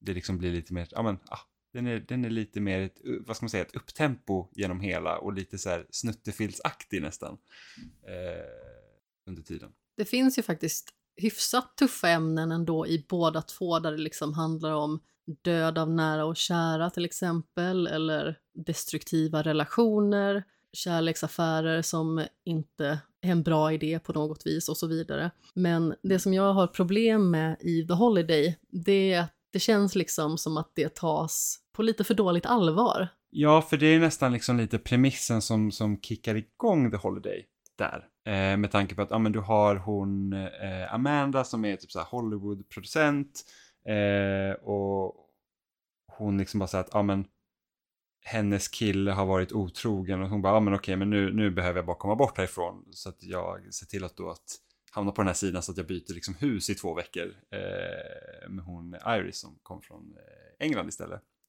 Från Surrey. Ja, precis. Eh, så att det är ingenting som händer henne under tiden. Eh, utan hon är liksom redan där. Medan i Love actually så är det ju faktiskt så att man, man, man, liksom, man ser de här karaktärerna som har liksom sedan sina relationer. Sen så bara oj. det är liksom en bit in i filmen, då får man veta att liksom att okej, okay, att mellan de här två karaktärerna som varit gifta länge så har det liksom svalnat och hon nästan får se honom börja typ nästan starta en affär liksom, så att de inte är på samma plats till exempel, som är en av dem. Man vet ju faktiskt inte riktigt hur det ligger till där och du tänker ju framförallt på Alan Rickmans karaktär som då spelar chef på ett företag och man tror ju att han har någon form av relation med, jag tror att det är hans assistent egentligen. Men man vet ju aldrig riktigt hur långt den går. För att jag det... tror inte att den går långt. Jag tror inte att den hinner egentligen, alltså den är typ i startgroparna men det är bara det att hans fru kommer liksom får se det innan. Men det är ju det som är så himla lurigt att veta också.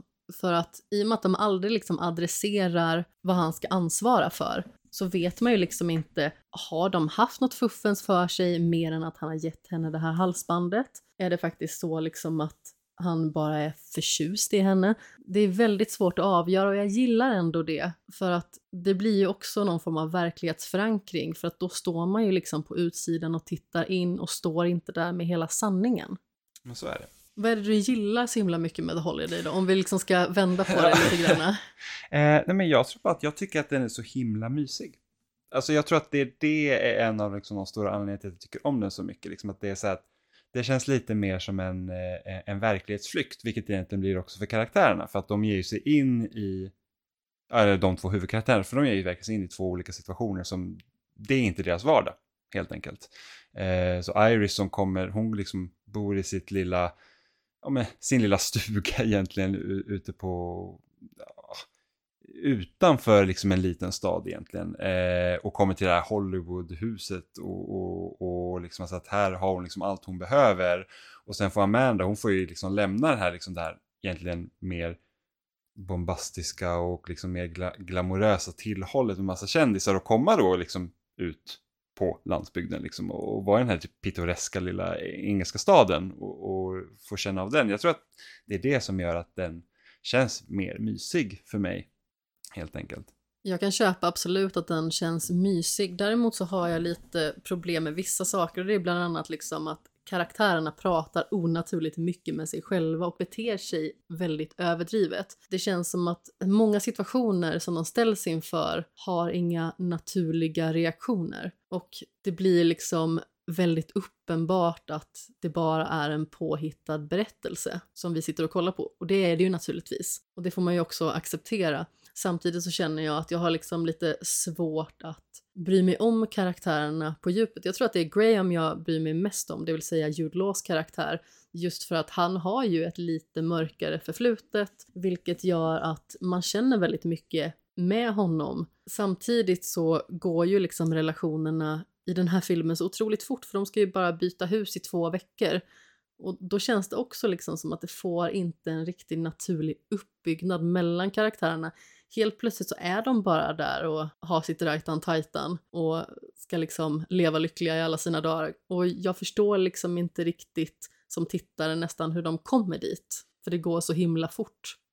Alltså, eh, jag, jag tror att det är lite så här att meningen med denna typ av liksom genrefilm egentligen, för att Love actually utspelar sig också under en fem veckors period. Så det är inte heller så himla långt. Eh, för att liksom bygga upp de nya relationerna som, som startar där egentligen. Eh, Men där är det också betydligt fler relationer som är etablerade från första början. Och samtidigt inte. Naturligtvis så finns det ju flera relationer som byggs upp under vägens gång. Men det som är ganska fint med Love actually, det är ju att många av de här människoödena vävs samman längs med vägens gång. Det vill säga att man vet inte att den här personen känner den här personen här borta som är bror till den här personen. Och det är ändå väldigt snyggt hur man märker liksom hur alla de här människorna är väldigt sammankopplade.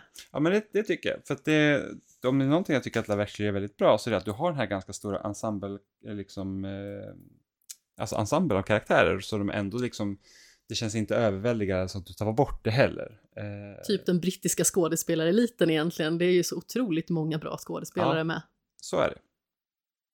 Så är det. Men eh, jag har inga problem liksom i, i The Holiday, liksom att oh, de här karaktärerna ska kunna hitta varandra. Eh, det jag tycker dock är lite synd, eh, det är egentligen det att den relationen som, som eh, utspelar sig mellan alltså Jack Blacks karaktär och eh, Kate Winslets karaktär då, eh, är det att de typ så här hittar varandra i slutet, så bara åh, vi har varit kära hela tiden, men de gör egentligen ingenting med det.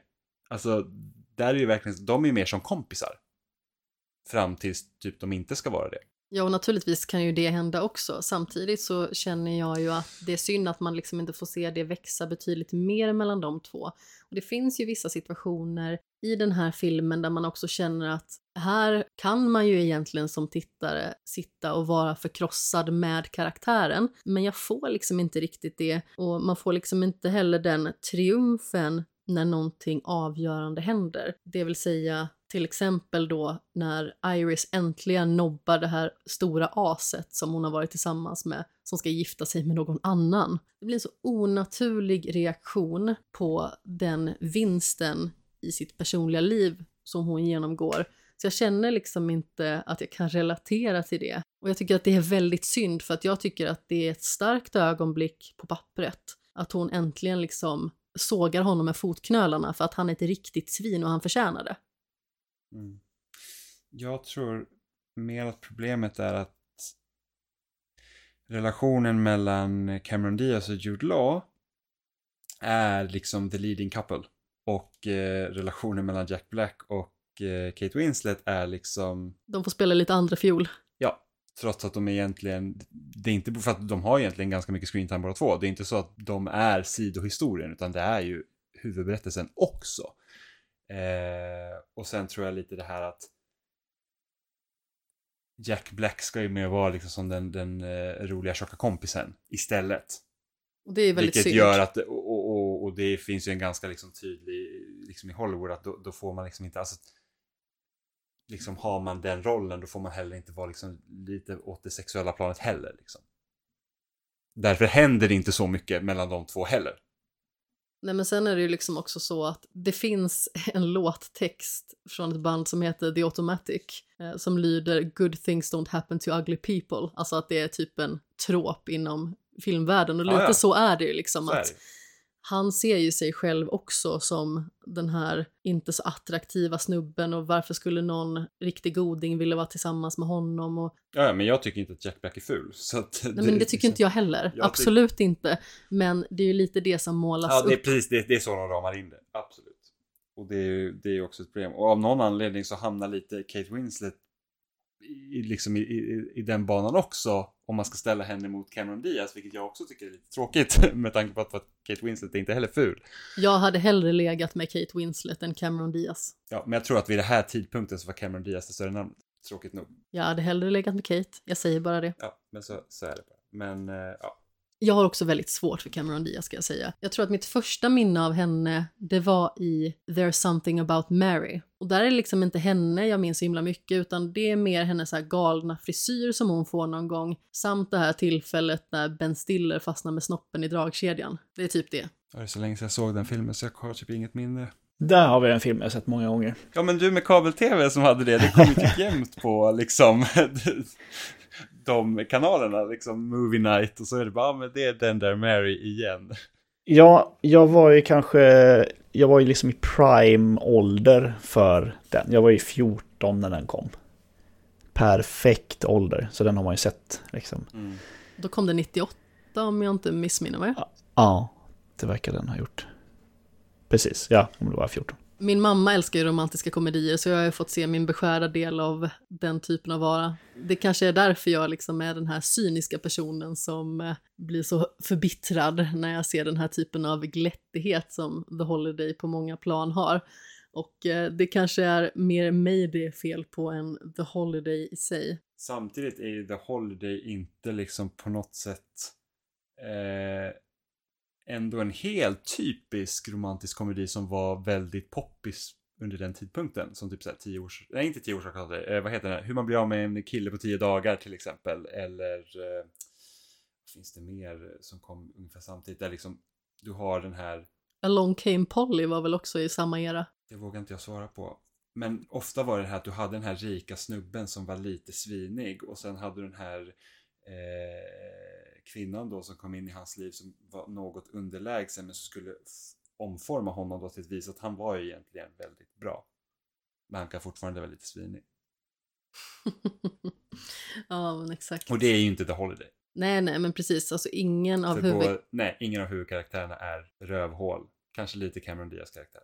Jag vet inte om jag tycker att hon är ett rövhål direkt. Men lite sj- självupptagen. Absolut. Det är väl kanske lite så som hon målas upp egentligen, att hon liksom är någon form av eh, Barbie-docka nästan. Liksom med sina högklackade skor i den här vinterkylan och sin stora så här, fluffiga jacka. Och det blir ju nästan som att det är en bimbo på halis lite grann. Ja, fast hon är ju liksom inte korkad. Nej, nej, absolut inte. Men det är lite så som inramningen gör henne. Ja, men ingen av de andra har den typ stereotypiska inramningen. Alltså varken eh, Jude Law eller Jack Blacks karaktär liksom är, går ju helt åt stereotypen. Eller Kate Winslets karaktär. Det är bara Cameron Diaz karaktär som är, liksom nosar på den delen. En typisk eh, romantisk komedikaraktär. Nu ska jag vara helt transparent med också att jag var ju typ lite kär i Jude Law vid det här laget. Men alla är väl lite kär i Jude Law, är de inte det? Ja men eller hur, det är lite svårt för att han har liksom sin charmiga brittiska accent. efter den här filmen. Ja men han är ju fantastisk i den här filmen tycker jag. Jag tycker att han är den bästa karaktären och sen så kommer eh, Iris därefter. Men jag gillar ju liksom hela hans berättelse också för det är inte heller en stereotyp berättelse. Däremot så tycker jag att det är synd att de inte går in lite mer på vad det är som har hänt, att man liksom får se smärtan lite mer. Men naturligtvis, där har vi mig igen, cyniken. Vi var ju inne lite grann på också innan vi började spela in att eh, det här var ju eran där man fortfarande gick och hyrde filmer så vi började prata lite om eh, DVD och VHS och liksom hela den biten och tänker också hur skulle dagens ungdom respondera på att man faktiskt gick till en butik och hyrde film och inte bara liksom klickade på en knapp. Ja, för att det är en ganska stor scen liksom, som går in liksom i, i DVD-hyrbutiken liksom och bara så här att, ja men här, åh har du sett den här filmen och den här har så himla fantastisk soundtrack och det blir en ganska bra scen av det. Och hade man typ försökt replikera det i dagens klimat, eller hade de suttit på soffan och liksom bläddrat i Netflix och bara, åh, den här filmen har det här fantastiska soundtracket och sen så bläddrar man vidare. Det är liksom inte samma grej som när de fysiskt rör sig bland liksom titlarna. Och det är ju faktiskt väldigt synd i dagens samhälle för att det liksom blir svårare att porträttera vissa saker.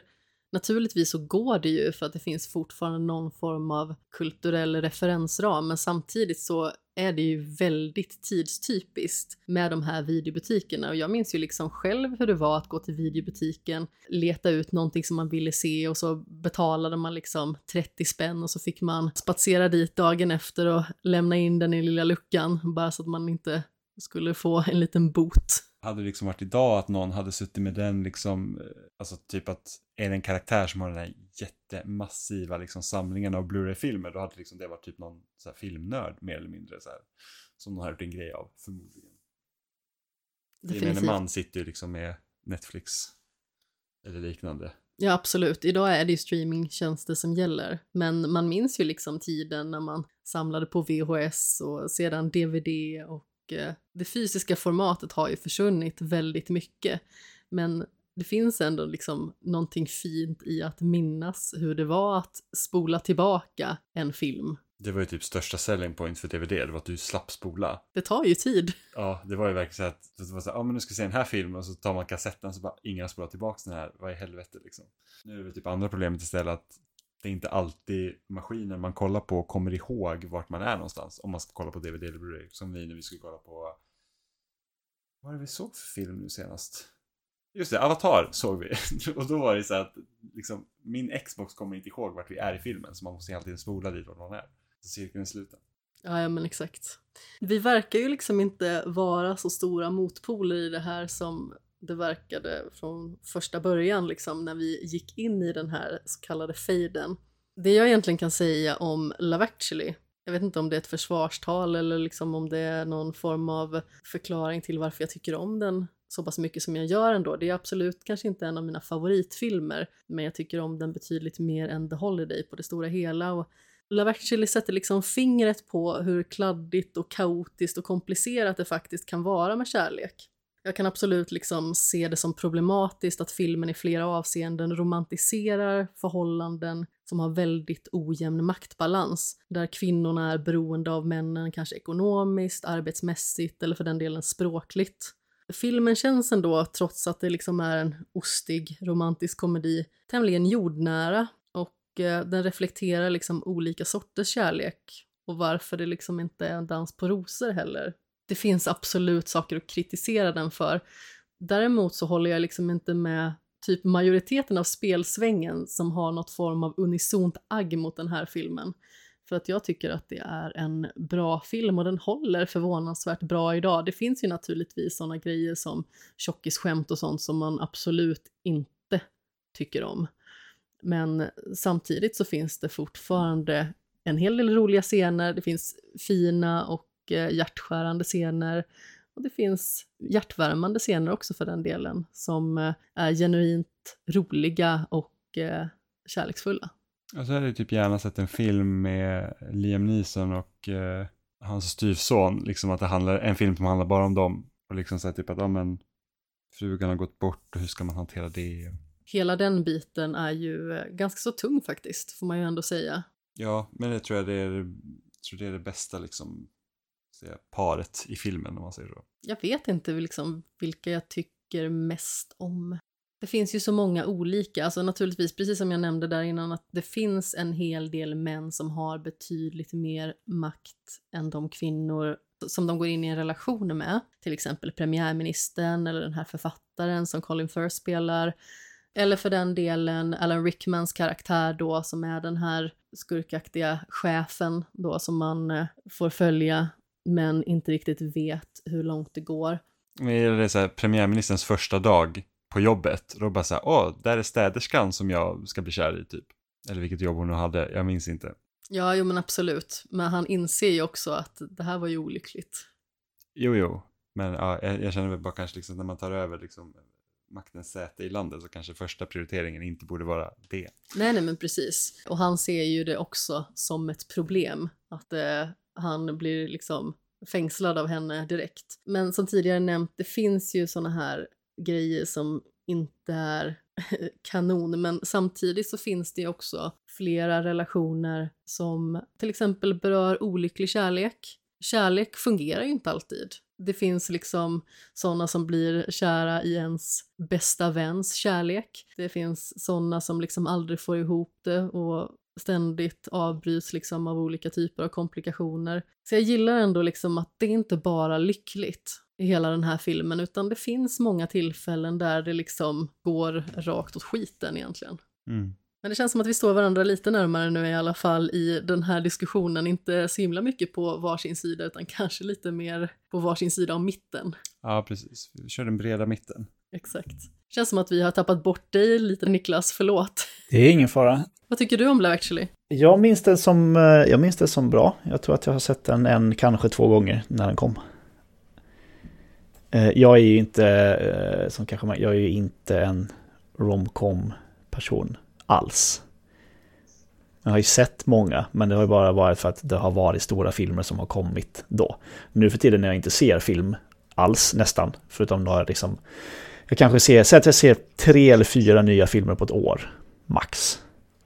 Eh, då, blir det, då blir det aldrig romantisk komedi, om man säger så. Då blir det sådana filmer som folk säger att man måste se. Typ. Har du någon genre som du föredrar?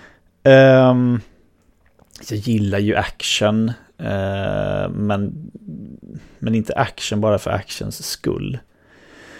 Uh, så jag vet inte, men action och sci-fi fantasy, liksom. annars så är det ju de här uh, smarta pratfilmerna som jag gillar. Liksom. Smart pratfilm, det är en bra genre, jag gillar den. Ja, Spotlight var väldigt bra. Den här Wow, absolut. Oscarsvinnaren, liksom. den, den, den sortens eh, film. Om du gillar den typen av film, naturligtvis så kanske du fastnade för den journalistiska biten också med tanke på ditt yrke. Ja, precis. Det, absolut. Då kan jag varmt rekommendera She Said, som då handlar om eh, den här Harvey Weinstein-skandalen. Just det. Den ska vara bra, säger de. Och sen är ju Carrie Mulligan en av huvudrollsinnehavarna. Ja, Och eh, henne är jag ju också enormt förtjust i. ja det är bra. Mycket, mycket bra. En sista sak om The Holiday bara som jag inte kan låta passera förbi. Och det är att Cameron Diaz mördar The Killers låt Mr Brightside i The Holiday och för det kan jag aldrig förlåta henne. Jag var tvungen att ha det sagt. tycker jag tycker är alltid roligt när det är sådana scener när de ska liksom stå och sjunga i sin ensamhet och så är det alltid dåligt. Jag tycker det är kul. Men alltså det är ju inte bra när man står så. Och det förstår jag ju också, naturligtvis. Och det är ju liksom inte lika roligt om det faktiskt är någon som står och har världens jäkla pipa. Ja, förutom när David Brent i The Office har världens här, liksom änglasångröst när man bara förväntar sig att det ska låta riktigt dåligt. Det är i och för sig en väldigt stor överraskning. Yes. Han har ju till den punkten egentligen levererat obehag efter obehag. Och det är det man förväntar sig. Ja, um, precis. Men nu Niklas, nu ska vi vandra över till dig och oh. i körschemat har jag skrivit Niklas spelkavalkad. För du räknade upp en liten radda spel som du har spelat och du får jättegärna bränna av ett par. Men jag, eh, jag misstänker att ni kanske också har spelat de här spelen. Eh, jag har ju tre, eh, tre spel framförallt på sistone som jag har spelat väldigt mycket. Eh, dels är det God of War, för att det måste man spela typ. Och det är långt, så därför har man spelat det mycket. jag antar att ni har... Det har vi också spelat. Ja, precis. Ragnarök då såklart. Både har spelat det och mycket. Jag är inte lika begeistrad tror jag som, som de flesta verkar vara. Jag... Eh, så här, det är ett uppenbarligen ett otroligt välgjort spel det är väldigt uppenbart att det är tusen och åter tusen människor som har jobbat och finslipat varenda liten, liten, liten detalj i det här spelet. Men eh, jag är inte lika imponerad som av, av det första alltså. Det måste jag säga. Jag tror att det första kom liksom som en sådan käftsmäll för många, ja. att det lämnade ett större avtryck. Ja. Jag spelade ju inte det när det kom, jag påbörjade lite grann, kom inte riktigt vidare och sedan så tog jag mig an det först i början av förra året och plöjde igenom det och tyckte också att det var ett kanonbra spel, även att det kanske inte träffade mig lika hårt som det träffar många andra. Det jag känner med Ragnarök, det är liksom att det är ett mästerligt hantverk och när jag skrev recensionen så kände jag väldigt starkt för spelet. Men så här i efterhand så känner jag att den känslan svalnade ganska så mycket och på något sätt så har min hjärna liksom puttat bort det spelet lite granna till förmån för andra titlar mm. som jag uppskattade mer. Det är absolut ett toppspel, kanske inte är den absoluta toppen. Det är ett otroligt finslipat spel med en bra berättelse och väldigt genomarbetade karaktärer och ett solitt manus. Men samtidigt så känner jag att när jag väl hade slutat spela då fanns det liksom inte lika mycket med mig i själ och hjärta och tanke på något sätt. Mm. De har försökt klämma in så mycket i det. Oh, jag tror det är det största problemet. Ettan var så himla komplett. Det var det att okej, okay, men vi ska sprida min döda frus aska från den här bergstoppen. Det är liksom målet. Och när eftertexterna rullar så är det precis det du har gjort. Mm. Medan tvåan blir så här att de har redan pratat innan liksom att ah, men vi, vi planerade tre spel men Precis. känner att vi inte vill jobba 15 år på den här tiden så vi, vi körde alltid Ragnarök istället och det märks. Yep. För att liksom, det är jättemånga karaktärer och jag känner liksom att de får inte riktigt det utrymme de hade behövt för att bli riktigt, riktigt bra. Nej, precis. Det är vissa karaktärer som dyker upp som man, inte, som man liksom hade jättefina stunder med 15 timmar tidigare. Och sen har man inte hört ett knyst från dem och sen poff kommer de upp plötsligt. Och man bara oj, ja, du, ja just det, du är med i det här spelet. Jag tyckte jättemycket om dig, men jag har glömt bort dig för länge sedan. Nu är du här igen, vad trevligt, eller något. Har du någon favoritkaraktär Niklas? Um, alltså jag gillar ju... Uh, jag tyckte att uh, Angerboda var, var en fin gestaltning av, uh, av den karaktären. Uh, alltså, uh, ja, Atreus, kan man kalla det? Kan man kalla det kärleks intresse. kan man göra. Det kan man nog absolut mm. göra. Uh, Om inte annat flört. Ja, precis. Um, annars så är jag ju, jag är ju väldigt svag för Sindri va. Mm. Uh, den, den lite mer uh, seriösa av dvärgbröderna. Och, och de två får ju en väldigt bra får ju väldigt bra utdelning i det här spelet. De var ju mycket mer sidokaraktärer förra, förra gången.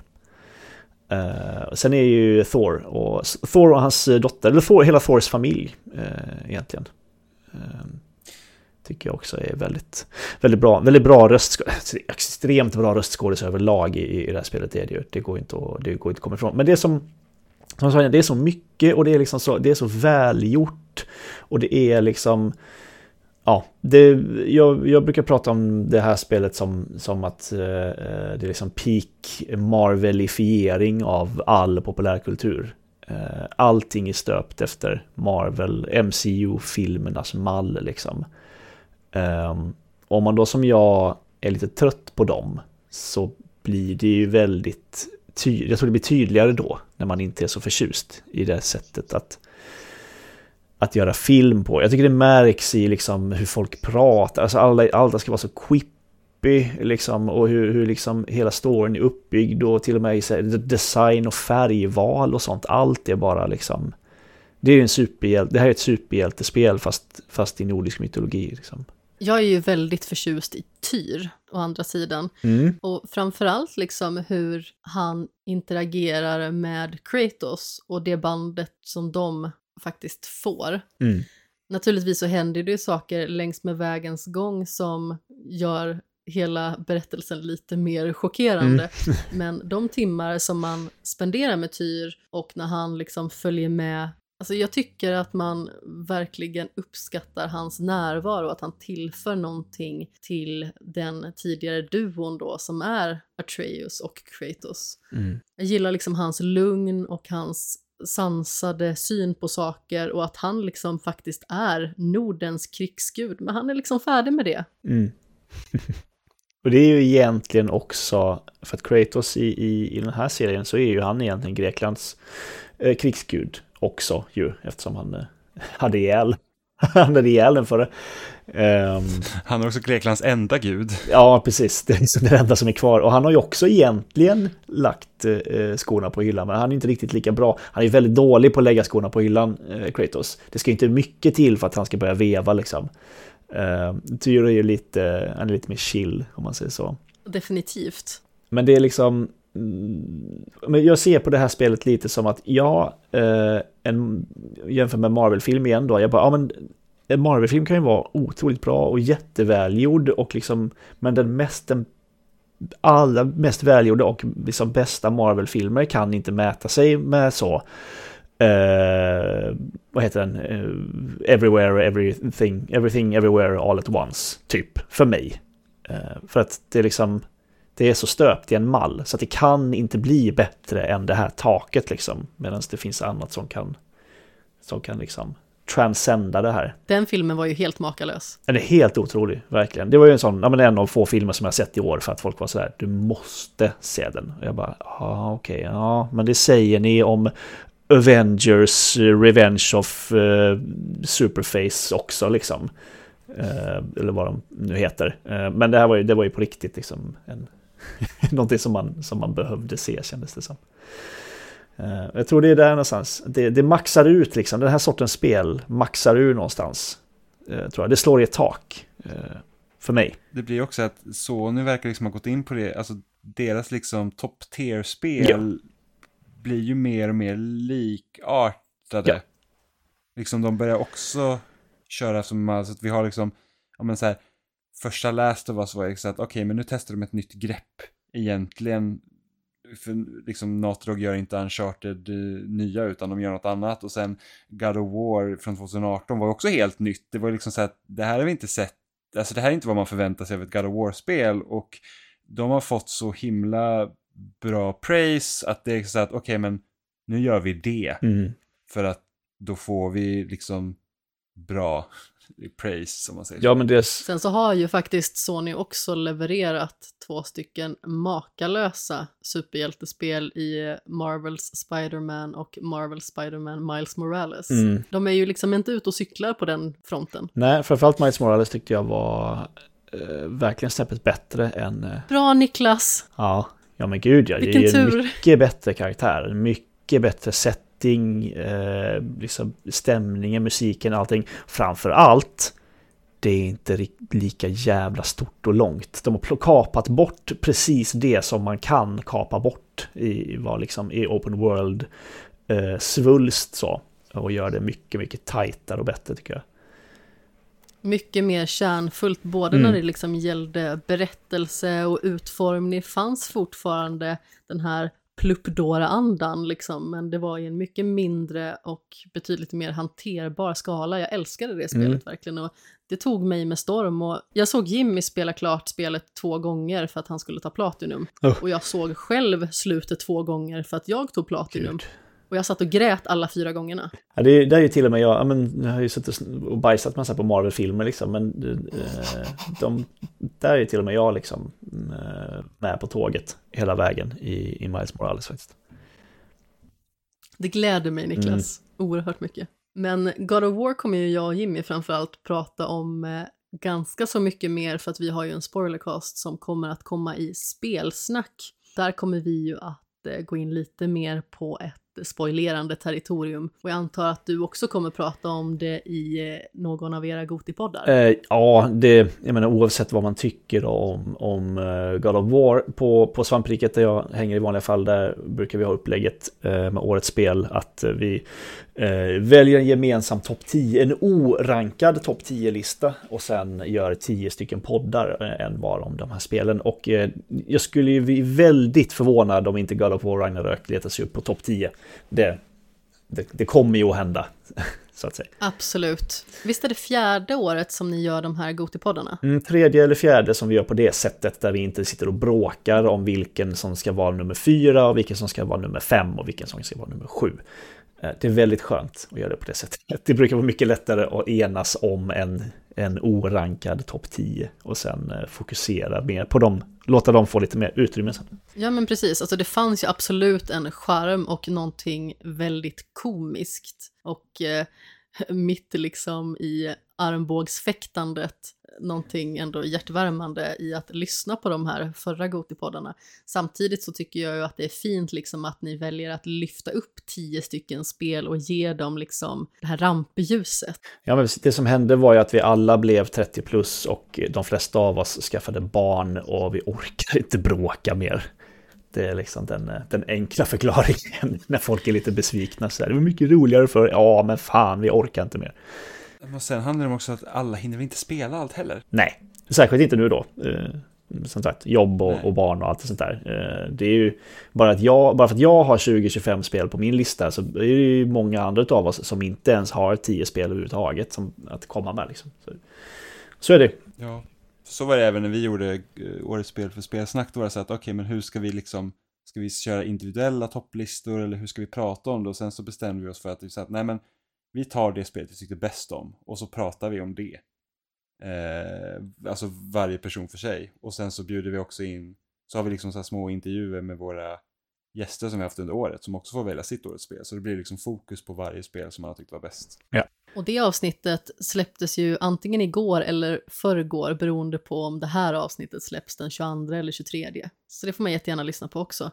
Men Niklas, du har ju spelat lite andra saker som inte är lika stora och svulstiga Ja. som God of War Ragnarök. Ja, egentligen, jag hade ju tre spel till på min lista, men jag tror att vi kan skippa det ena. Det är väl två saker till som jag skulle vilja prata om. Eh, det första är... Vilket är det du vill skippa? Är det Fortnite? Eh, Ja, just det, det har jag. Det, ja, men det kan vi skippa, herregud. Eh, Men det, det, eh, det är ju värt att nämna att Fortnite, att de har gjort om For- Fortnite helt i, i Unreal Engine 5.1 med alla sådana här nya den här nya funktioner med konstiga namn som den här eh, motorn då eh, skulle, skulle, skulle ha. Liksom, som, jag menar, Unreal Engine det är ju alltid så här framtiden för spel ligger ju i Unreal Engine 5 säger de ju.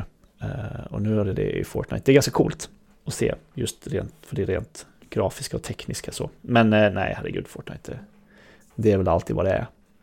Men eh, jag, jag undrar så här, kan man skohorna in eh, Fortnite på en årets spellista för att Zero Build Mode kom 2022? Ja, det blir betydligt lättare att bara ta det och spela och inte behöva vara gift med spelet. För, att, för att man ska ha en chans. Alla jag känner som är över 30 som har börjat spela Fortnite på sistone har gjort det bara för att man inte längre behöver bygga. Ja. Nej, men alltså jag, jag, alltså, jag spelade Fortnite rätt så mycket när det var nytt. Och sen var jag borta typ kanske två, tre månader och kom tillbaka och alla byggde penistorn liksom. Ja, det är Och klart. det var så att jag hinner inte bygga. Nej, Det är liksom helt omöjligt för mig att hänga Ja. med. Och jag har liksom inte intresset av att träna för mycket i Fortnite. Nej.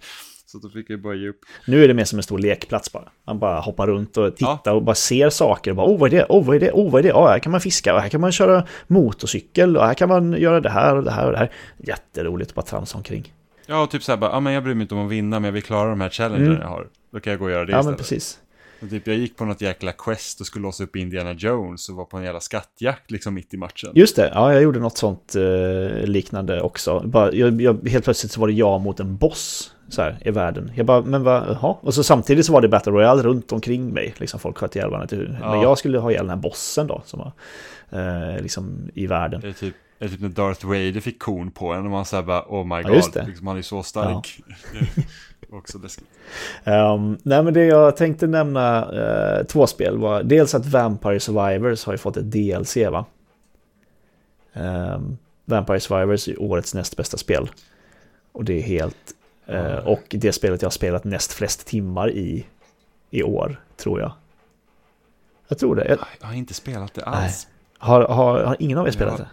Tyvärr. Jag har laddat ner det nu för det kommer till Game Pass så att jag ska försöka ge mig in i det om jag har tid. Det är helt otroligt. Uh, kör en vända. Uh, den tar som mest, det tar som mest 30 minuter. Första gången kommer det inte ta 30 minuter.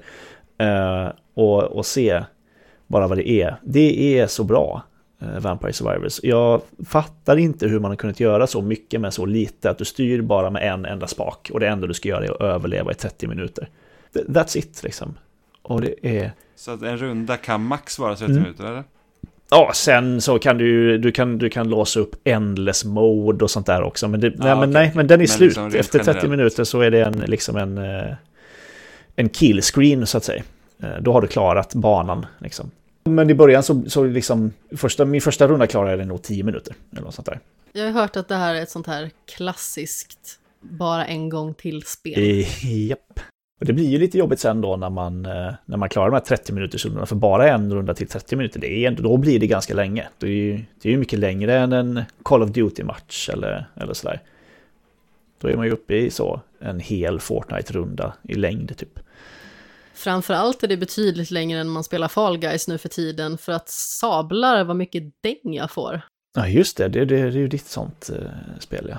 Ja, men absolut. Eh, jag har ju liksom rent historiskt ändå vunnit ganska så många, liksom hela episoder och även liksom många separata sådana här deltävlingar egentligen. Men eh, det är otroligt svårt numera. Och naturligtvis är det ju för att eh, det förmodligen är en miljard ungar som sitter och spelar det här och det är deras liv nu från att det blev ett gratis spel för ett halvår sedan. Yep. Så eh, ja, jag får på tafsen rätt så rejält och eh, det är lite synd.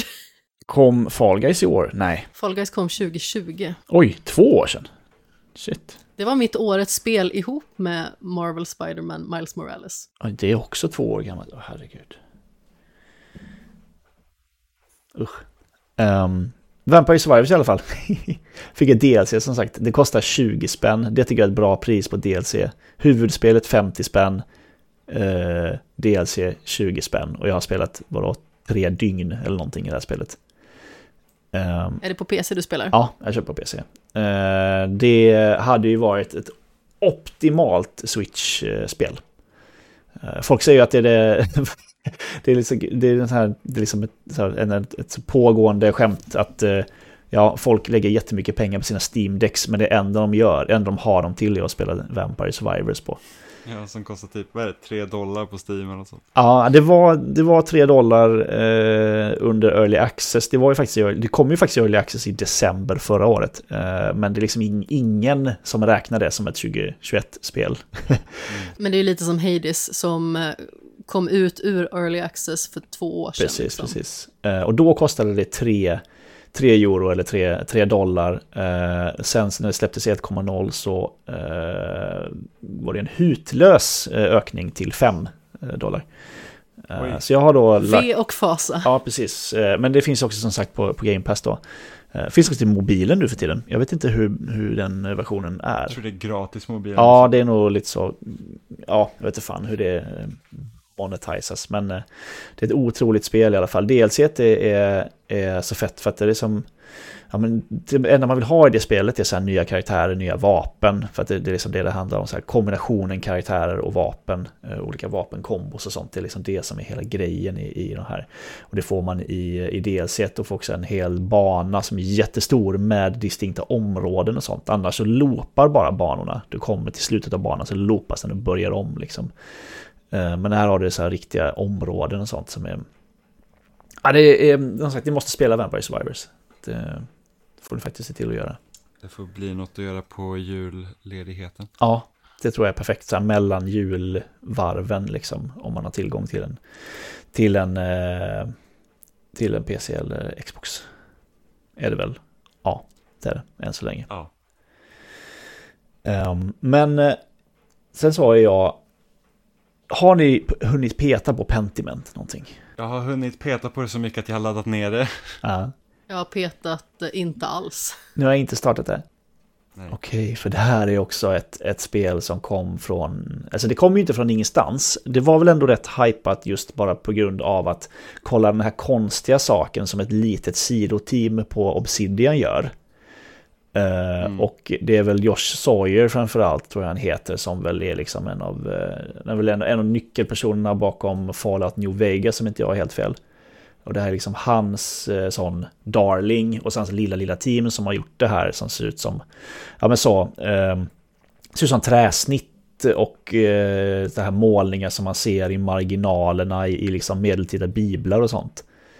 Eh, och eh, om man spelar den här då Eh, Andreas Mahler heter han som är en, eh, en konstnär som jobbar på ett, eh, ett kloster i den här lilla staden Tassing i, i Bayern i Tyskland tidigt 1500-tal. Det låter ju inte supersexigt, det gör det ju inte.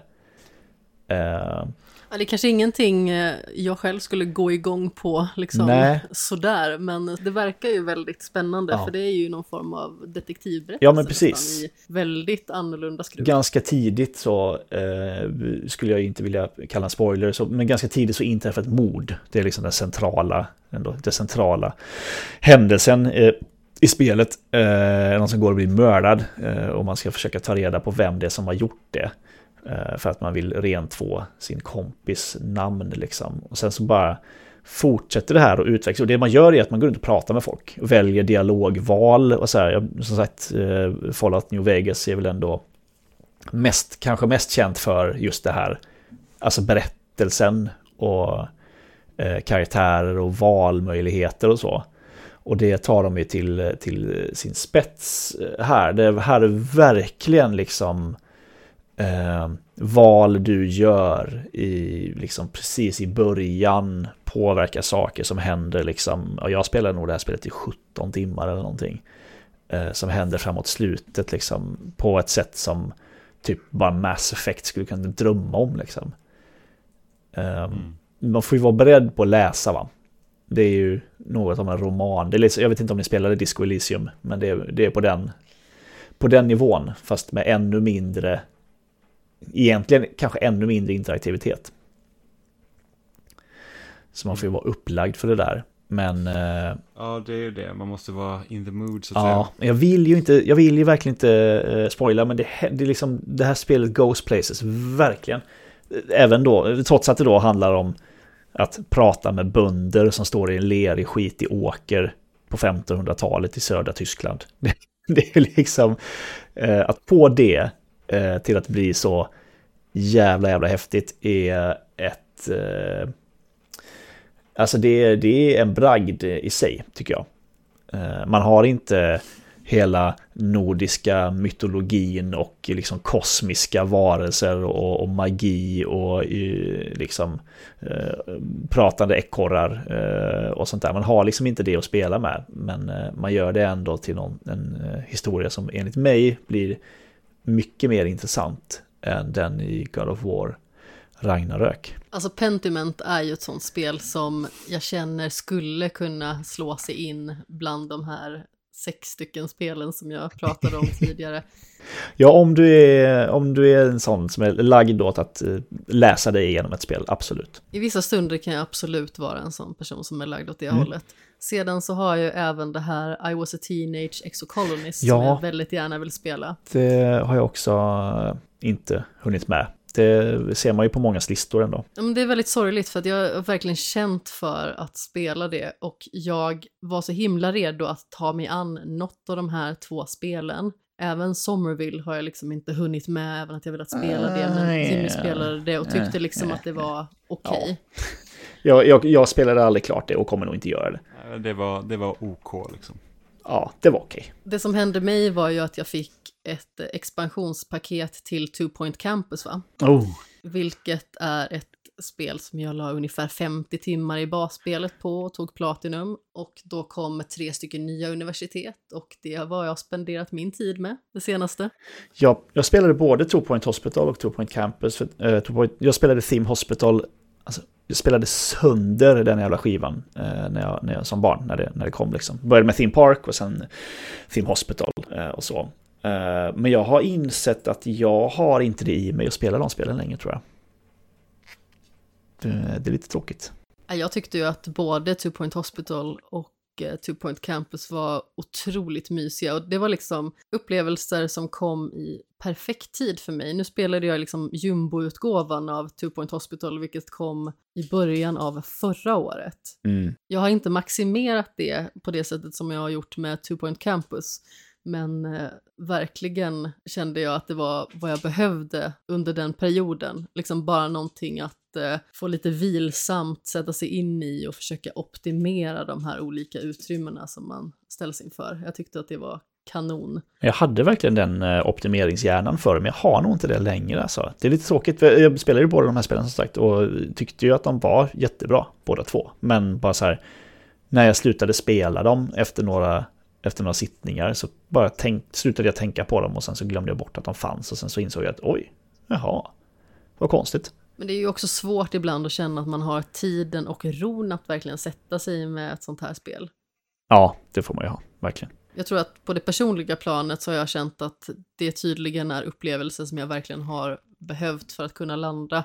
Two Point Campus kom ju, jag tror att det var samma dag som jag gick av min semester i somras. Och då kände man ju liksom att eh, från att ha tagit det lugnt och eh, tagit allting i sin egen takt och tränat när man vill, ätit när man vill och spelat när man vill så går man helt plötsligt in i den här långa mejlkorgen och Ja. eh, ska återvända till sina rutiner precis som de alltid har varit tidigare och då var det verkligen perfekt Mm. Att sätta sig med Two Point Campus. Och så även nu lite grann ändå, när det börjar närma sig juletid och allt vad det innebär. Och nu har inte vi det så jättehektiskt, men man har ju ändå någon form av stress precis innan man ska gå på 12 dagars ledighet, liksom med att man vill gärna nå vissa mål till exempel, eller Mm. man vill hinna med vissa saker och kunna avsluta vissa kapitel innan man liksom sätter på sig morgontofflorna permanent för 12 dagar. Åh, ja, det vore något. Men vi ska ju faktiskt prata lite mer om spel tänkte jag. Så jag känner att vi ska valsa in på avsnittets lista. Vad säger ni om det? Gör det. Avsnittets lista är topp tre skämshögspel du hade velat ta dig an under jul och nyår. Då tänker jag att vi börjar med dig Niklas. Eh, jag känner ju, jag börjar känna nu med Pentiment, eh, som jag blev klar med, när vi spelade in det här så blev jag klar med det igår. Ehm, och då kände jag faktiskt att jag har inte, jag, jag är ju sån som, eh, de som, de som liksom är bekant med det jag gör, är att jag, jag spelar, allt, jag spelar nya spel eh, mest. Jag, jag tittar sällan bakåt eh, spelar i nästan aldrig om spel. Utan jag vill alltid ha eh, testa det nyaste, senaste, hetaste liksom. Eh, så jag känner att nu kommer jag ha lite tid att spela de här spelen som eh, för då känner man att God of War, Pentiment etc. etc. Viktigare att liksom komma igenom för att hänga med i snacket så att säga. Eh, men nu känner jag att jag kanske kommer kunna lägga tid på att spela fler matcher i i Warhammer 40 000 Darktide, i Call of Duty, Modern Warfare 2, eh, Fortnite kanske eh, kolla in liksom senaste säsongen i, eh, i Destiny 2 innan den expansionen kommer. Fortsätta på No Man's Sky. Ni vet de här oändliga spelen, de som aldrig tar slut. Ja. Eh, det, det är liksom lite det jag ser att jag kommer kunna göra, kanske. Eh, Men jag har också ett annat som jag har glömt bort vad det heter. Eh, Men jag ska kolla på det nu. Eh, förlåt, det var ju inte tre spel. Eh, det var, du, du frågade efter tre spel. Man. Då bara rabblar jag upp eh, en massa. Men Warhammer Darktide. Tide... Ehm, Warhammer Darktide. Tide... vad sa jag mer att det hette? Call of Duty och Chained Echoes, tror jag. Ja, har ni spelat det? JRPG... Nej, Nej. jag har också laddat ner det. Ja, jag, jag har det installerat här. Eh, Det finns också på Game Pass. Det är det som ser ut verkligen som eh, ett typ Chrono Trigger-aktigt JRPG. Verkligen 16-bitars liksom, eh, så Super Nintendo JRPG. Ja. Ser, ser toppen ut. Jag vet ingenting om det. Jag har bara sett trailers på det och bara det här ser jättebra ut. Jag vet inte om det är bra. Jag vet inte vad det handlar om. Ingenting. Men det tror jag. Jag har hört, jag har hört att folk gillar det i alla fall. Ja, men sen är det av samma crowd som typ äter varenda JRPG som existerar. Så det, jag vet inte hur Ja. trovärdiga de är när de spelar sånt som de faktiskt vet att de redan gillar. Ja, men precis. Eh, men som sagt, jag, det är också ett spel jag skulle vilja spela. Men jag stod och valde mellan att börja det som skulle typ ta 40 timmar att klara ut och High On Life som skulle vara 8 timmar. Ja, bli Uh, High on Life kommer jag prova också, eh, kanske i, ikväll till och med. Men eh, det, det är inget jag ser fram emot. Nej, alltså det, det såg ju redan ri- alltså det såg risigt ut. Alltså jag har inte varit imponerad av något av det det har visats, men jag tycker om Rick and Morty. Så att jag kände att det så att, ja men, jag kan ju testa och se vad det är och det är väl OK. Rösterna driver mig till vansinne. jag gillade ju Rick and Morty eh, i början och nu har jag nästan blivit så här, nej jag står inte ut med, eh, med Rick and Morty längre. Jag vet inte varför, det, det bara blev för mycket, jag blev väl trött. Men ehm, jag har liksom ändå hört från folk som är sam, lite samma läge som jag, som bara, jag är så jävla trött på Justin Roiland och allt han gör. Men som ändå har gillat det här spelet, att eh, de tyckte det var bättre än, än vad de trodde. Så det ska bli intressant att se. Jag ska testa det, men jag har inte hunnit. Jag måste ju ändå säga Niklas att det gör ju ingenting att du har en lista som är längre än tre spel. Men det är så typiskt mig när någon ber om något specifikt eh, och så kommer jag med något helt annat. Som sagt, jag klagar inte på att få en längre lista än det jag ber om. Mm. Vad bra. Men Jimmy, vad ser du fram emot? Ja, alltså för mig blir det liksom försöka skrapa ihop resten av det här året eh, och hinna spela lite av det man faktiskt inte har hunnit med än. Eh, så jag tänker mig faktiskt att Pentiment är ju ett sånt spel som jag jättegärna vill sätta mig ner och spela och det hade ju fungerat väldigt bra då eh, under julledigheten. Man kan bara ta, koka en kopp te och mysa med lite läsning. Eh, och sen så skulle jag också då ge mig i kast med att testa då Vampire Survivors och se vad det är för Ja. någonting. För det känns som att Alla ska spela. vill man inte missa Nej, riktigt. alla måste spela. Precis. Eh, så att, eh, och, och det är så att det kanske blir ett sånt spel man känner så här att ja, men det här är mitt spel nu och så spelar man det i några månader och så är man fast i det. Eh, Fall Guys, jag tittar på dig. ja men precis, eller typ när man sitter och spelar Halo Infinite eller back in the day när man spelar Battlefield 3 fast man inte ens gillar det längre. Eh, bara för att det var bekvämt. Och sen sista spelet ska jag nog säga att det är Marvel Midnight Suns. Eh, för att jag gillar strategispel och jag gillar XCOM, jag tycker om Firaxis, de är jättebra spel. Och det här ska typ vara ett superhjälte Bioware-spel med strategiinslag. Och det är så här, oh, det låter väldigt spännande. Ja, precis. Folk jämför Eh, det med Fire. Emblem, liksom. Alltså, eh, Three Houses, va? När du springer runt på, på klostret där. Ja, Ja, men precis, och det pirrade ju till i byxan rejält där när någon faktiskt nämnde just det spelet, för det var ju ett av mina favoritspel från 2019. Det var ju bara Sayonara Wild Heart som eh, tog sig högre upp på listan. Ja, och det hade, jag, det hade jag velat testa och se hur det är. Men det är också så att man läser recensionen så bara, men jag spelar i 70 timmar. och Man säger nej, nej, alltså jag vill inte spela ett spel i 70 timmar. Rädda mig! Ja, men lite så, för jag vill gärna klara ut spel när jag börjar. Japp. Det är ju det är så jag känner. Jag börjar ju ofta inte på ett nytt om jag inte klarar ut något gammalt. Och nu har jag flera spel som ligger på hög dessutom, så jag tror att jag förmodligen inte kommer klara ut bara för att ja, det kommer nytt hela tiden. Eh, och då är det så att, ah, okej, men kan jag ge mig in i 70 timmar i det här nu? Det är ett stort åtagande. Live och Live såg ju också bra ut. Men jag, nej, det kommer jag aldrig. Nej, jag kommer aldrig Ja, spela. jag började spela det och det var så här att, ja, det, det är väl okej. Eh, Mm. de, de liksom delarna i det spelet jag har spelat var inte så här att wow, vilken grej, utan det är mest så att, ja men intressant att de försökte göra det här på 90-talet. Ja. Var det inte det spelet där jag ville mörda kompositören? Ja men det var där vi körde första, hoppade in i så här prehistoric times och fick spela som en, en, ja men en, eh, jag vet inte jag ska förklara, en, en eh, Ja men en, en liten pojke med liksom spikklubba och kan inte prata. så Typ att- en grottmänniska. Ja, grottmänniska, tack! Jag vill inte säga någonting som kunde bli problematiskt, för att det var det jag kunde tänka på. De, de, jag tror inte de har något, eh, något som de hellre blir kallade, eh, grottmänniskorna. Jag tror det är okej. Nej, eh, bra. Eh, men så Kanske liksom, någonting på latin. Och det var ju liksom så här typ världens mest simplaste liksom story där allt berättades i typ emojis. Så det var så här att okej, det är liksom inte riktigt vad jag, vad jag kanske signade upp för. Och sen så var, körde jag någon ninja-grej efter det och det liksom så började det om och man liksom levlar inte en och samma karaktär. Utan man byter hela tiden och då är det så att ah, det, det är inte riktigt vad jag vill ha. Död åt den musiken i alla fall. ihop Ja. sen, de här berättelserna i Live Alive? För det var ju grejen med Octopath Traveler som gjorde att jag bara fetstudsade av det.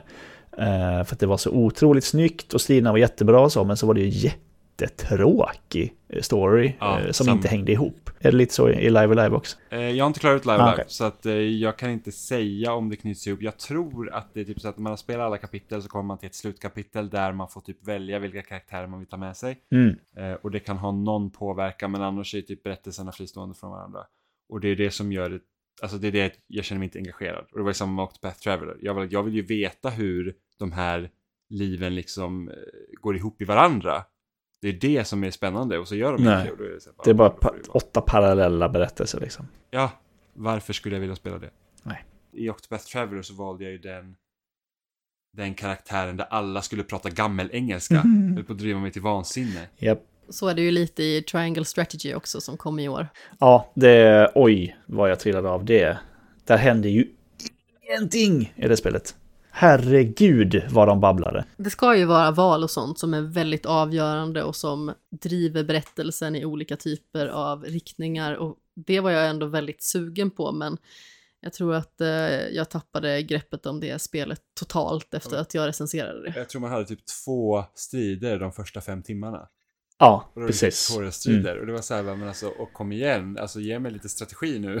Ja, man brukar ju precis, man brukar ju prata om pacing liksom. Och det där problem, spelet har ju otroliga problem med, med pacing. Helvete vad Jag långsamt tycker det många japanska liksom, rollspel har det problemet. Det är att när börjar du spela ett sånt, då, liksom, då gör du ingenting i typ 5-6 timmar. Det är liksom så här att det, det är gå två steg, tutorial text, två steg, tutorial Mm.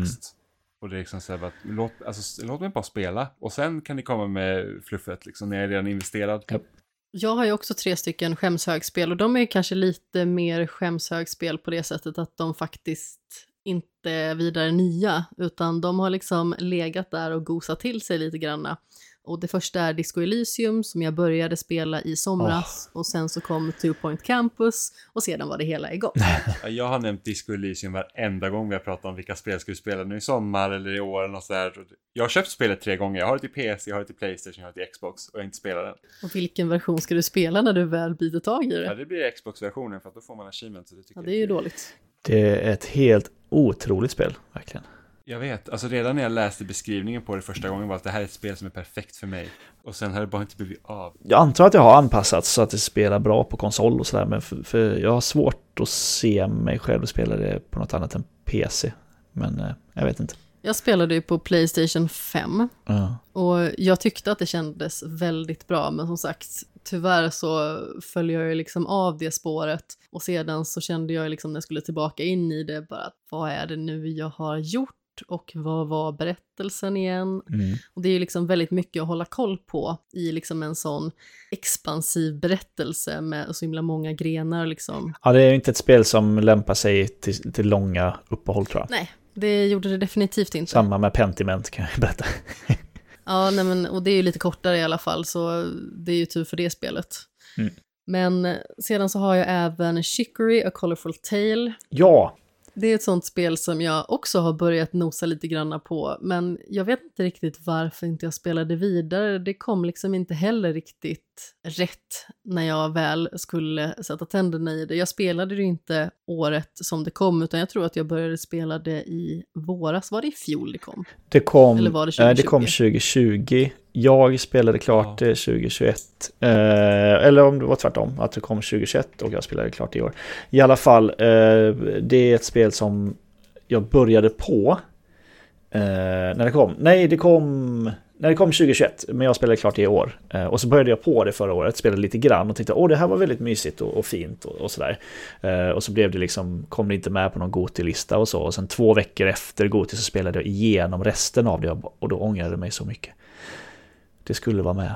Ja, alltså jag har absolut förstått att när det liksom gäller berättandet i det spelet så har det liksom något väldigt säreget att komma med. Och sen så är det ju samma musikskapare som det är i Celeste, Lena Rain va? Eller vad heter hon? precis. Celeste är ju förra decenniets bästa spel, tycker jag, ett av mina absolut största favoritspel någonsin.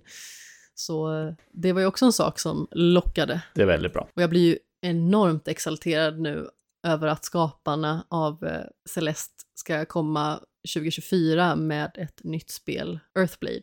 Japp, det ser otroligt ut. Ja men verkligen, det känns ju liksom som att eh, det bästa av världarna, Child of Light, Hollow Knight och eh, Celeste har eh, fått en liten avkomma. Mm. Så det vill jag definitivt ta mig an. Hollow Knight kanske borde ha varit med på den här listan också. Ett- Ett spel som jag har påbörjat under en semester men inte fortsatt för att helt plötsligt var semestern slut. Där har vi faktiskt ett spel som, jag som sagt brukar jag ju inte gå tillbaka och spela gamla, gamla spel. Men där har vi faktiskt ett spel som har också varit installerat på min Playstation eh, jättelänge. Eh, som jag faktiskt har tänkt att spela.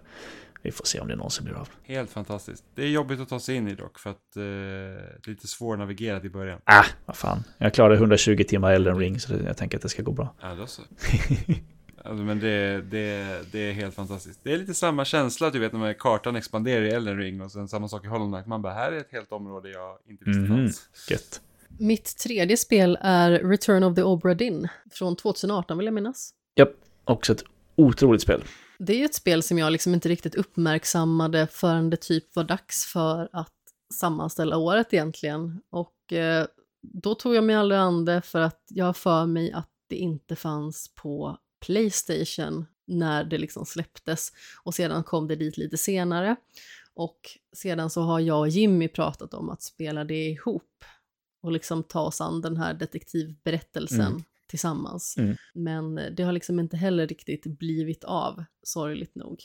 Men det är ett spel som jag väldigt gärna vill spela och som jag liksom köpte på studs när det kom till Playstation. Mm. Så det är skärpning på Fröken Sten. Ja, men det tycker jag. Men jag tänker att vi ska gå in på dagens sista segment och då är det inte spel som gäller utan då är det film. En 13 år gammal film för att vara exakt. Och vi ska prata lite grann om Avatar.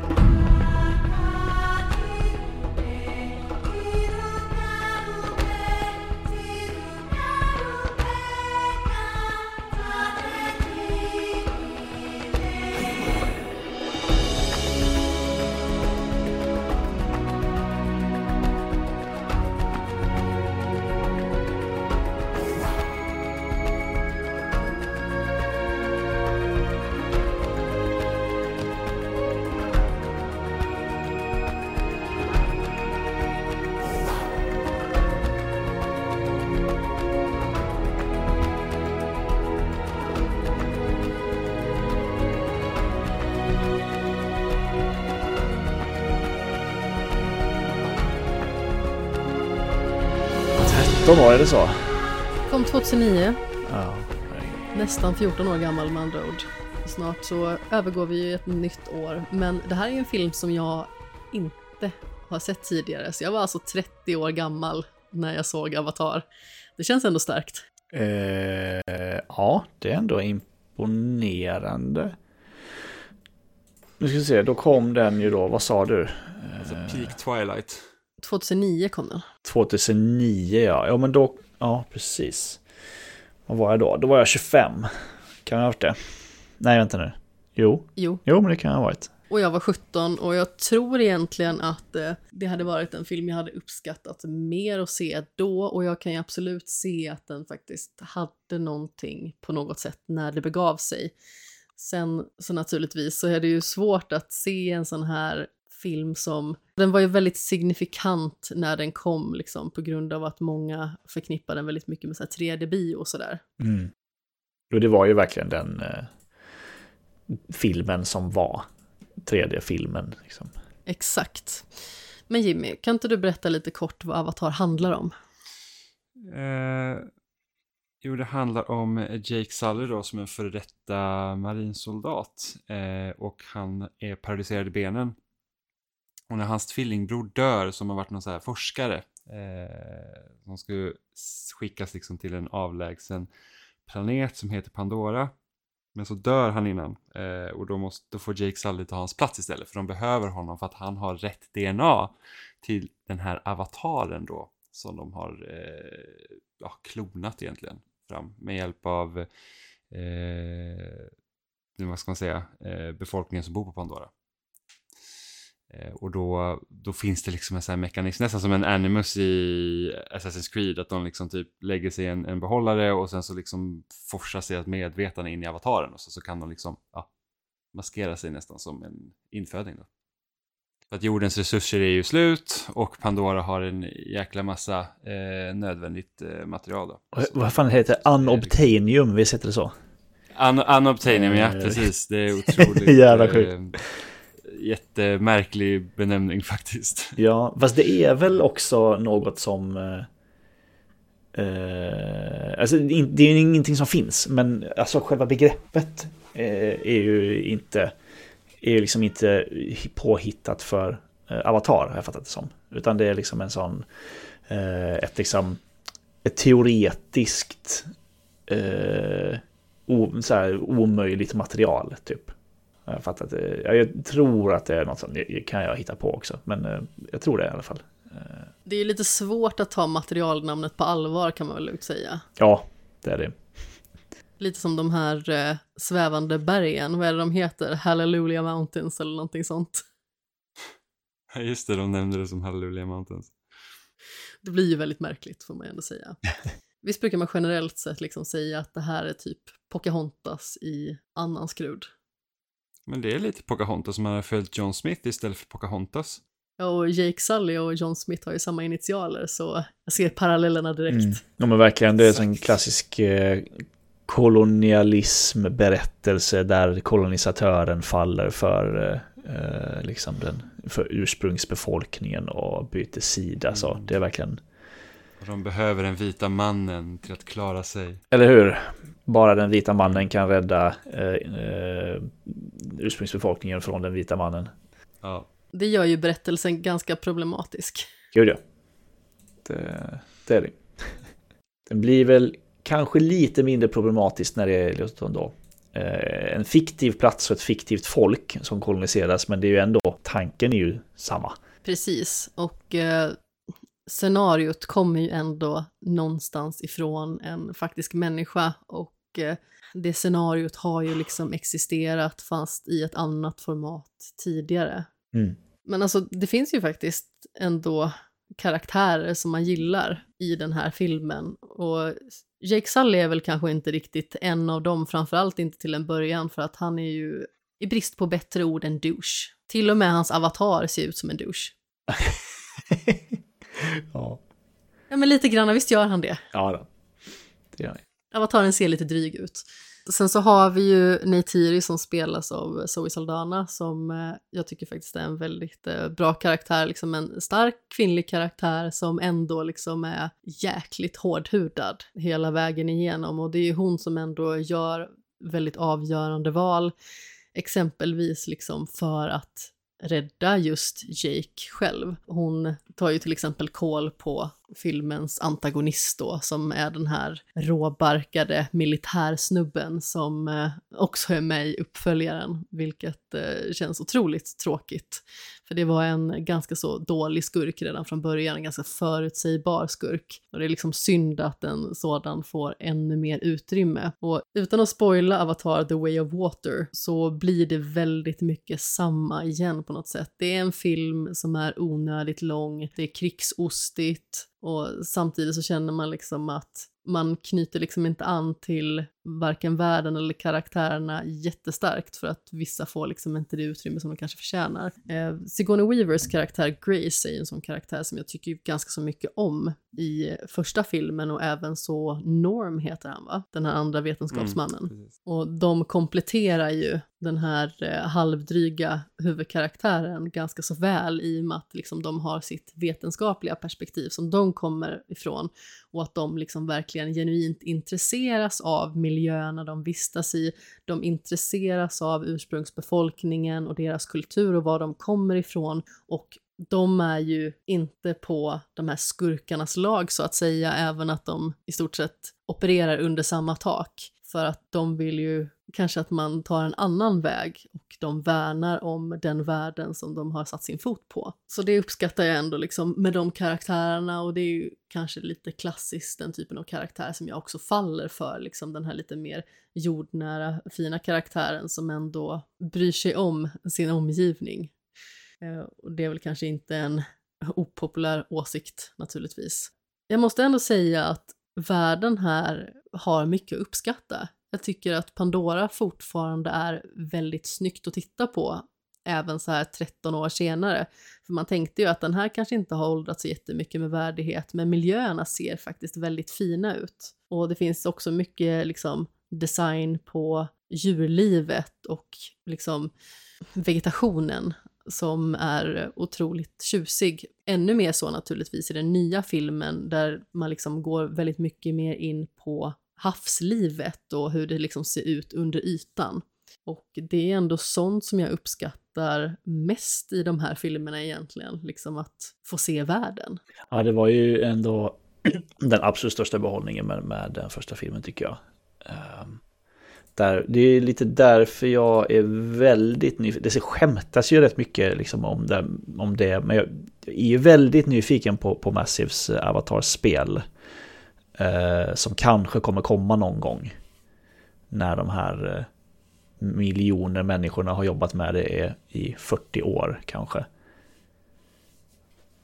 Eh, det måste jag säga, för hur, eh, ja, men hur de kommer eh, liksom hur de kommer realisera den världen som, som Cameron och company har byggt upp. Liksom.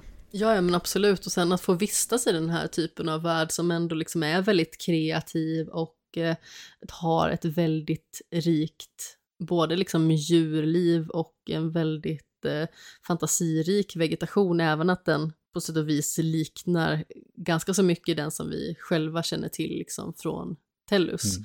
Mm. Det hade kunnat vara väldigt fint att liksom ränna runt och göra liksom små uppdrag och kanske faktiskt få dyka ner lite under ytan också i havet. Och, Bara eh. springa runt som en blå mm, smurf och skjuta folk. Ja. Nu tycker inte jag att vi ska vara negativa Jimmy. Undrar jag vill simma med de här typ vallika varelserna. Undrar också om de kommer göra det som ett live service-spel, där det varit spiken i kistan. Ja men det är klart. Eh, det är ju det de gör, så det tror jag nog definitivt. Oh. Men ni båda två såg ju Avatar när den kom. Japp. Yep. Ja, jag såg den inte på bio dock. Det gjorde jag. Eh, det var ju som 3D, alltså 3D-bio så. Eh, jag har sett den så en och en halv gång. Jag tror jag har sett den så här en halv gång, liksom någon annan gång också. Men det var ju, eh, ja, alltså 3D-film var jag ju verkligen aldrig något fan av. Men den filmen är ju liksom eh, undantaget som bekräftar regeln tycker jag. Det var faktiskt, det var en jävligt cool upplevelse tycker jag. Ja, det kan jag absolut tänka mig. Som sagt, jag har aldrig heller känt för att eh, se 3D-bio ens. Eh, jag har blivit påtvingad någon gång just bara för att de hade det på bland annat Allingsås biograf och jag typ halvt svimmade av det för att jag blev eh, yr. Det var när jag såg X-Men Days of Future Past och blev liksom helt kollrig i bollen av att titta på det där. Sedan så var det ganska så okej ändå att se Force Awakens i 3D. Alltså fanns det 3D fortfarande då? Det fanns! Mm. Oj. Vad sjukt. Det var ganska coolt där i början när Kylo Ren fryser eh, eh, blasterskottet. Så pekar han liksom ut i skärmen. Uh. Ja, och det var ju inte riktigt meningen att jag skulle se det i 3D heller, utan det var den enda föreställningen som gick i någorlunda rimlig tid och som liksom inte var helt fullbokad då. Mm. För jag gick ju på premiärdagen för att jag arbetade ganska så nära både Bergakungen och Biopalatset. Ah. Som eh, liksom då naturligtvis hade den eh, uppspikad på många tider Visst. under premiärdagen. Men eh, då hittade jag liksom en bra tid på Bergakungen och eh, smög mig dit efter jobbet. Ensam bio alltså. Jajamän, det har hänt ganska så många gånger. Det har fortfarande aldrig, fortfarande aldrig lyckats med. Nej men alltså naturligtvis så föredrar jag generellt sett att gå med eh, vänner och bekanta och så på bio. Samtidigt så hade jag ändå en ganska så lång period när jag jobbade väldigt centralt i Göteborg där jag lyckades få till att gå på bio ganska så mycket själv. Just för att jag hade ett ganska så flexibelt schema. Så då var det liksom att jag kunde ta en liten lunchbio och sen fortsätta jobba efter det. Så det var ganska så härligt faktiskt och då fick man ju ändå möjlighet också att se lite mer obskyra upplevelser det finns ju en liten biograf högst upp på Avenyn som heter Biograf Göta som eh, har sänt liksom en del sådana här som inte riktigt eh, är kanske så synliga för allmänheten. Sen så såg jag även Call Me By Your Name där till exempel och det var ju en film som blev betydligt större även att den kanske inte marknadsfördes så jättestarkt liksom precis innan den kom. Nej, det är en sån där film som folk, en sån där måste-film som folk snackar om som jag nog inte, som jag ändå inte har sett. Ja, alltså det är ju en av mina absoluta favoritfilmer. Sen så har jag nog lite svårt nu att se den igen med tanke på att Army Hammer gick och blev världens rövhatt. Ah, han är med i den. Precis, han spelar en av huvudrollerna. Mm. Han och eh, Timothy Chalamet. Det var hans genombrott, ja. Just det. Precis, så eh, jag kommer nog hädanefter att lite grann bevara den mest i minnet. Innan hade jag ju sett den liksom ganska så ofta.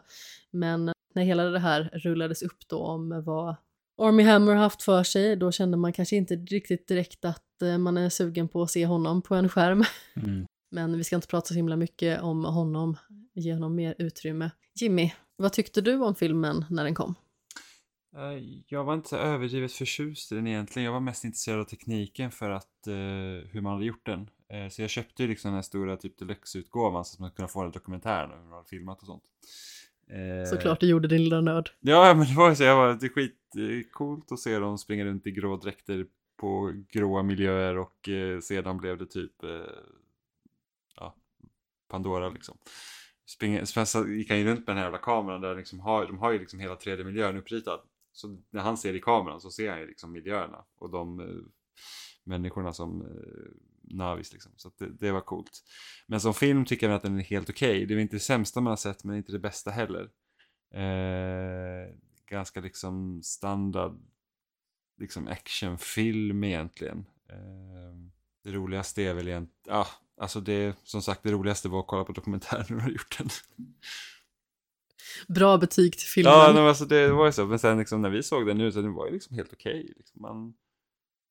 Men det är liksom inte så här att fråga mig om 50 år liksom och ska säga så här, ah, vad, vad tyckte du om första Avatar? Då ska man typ vara så här, jag vet inte, fanns det en sån film typ? Jag skulle nog ändå säga att jag tyckte att den var bättre än vad jag hade förväntat mig för att det känns liksom som att den var tokhyllad när den kom men sedan har det mer och mer blivit en film som nästan snarare är ett skämt. Jag tyckte liksom att det var en så här klassisk tre av fem något för hela familjen-film liksom att det är ingen kanonfilm på något sätt men jag känner ändå att det fanns någon viss behållning i att se den. Och det finns ändå några fina scener.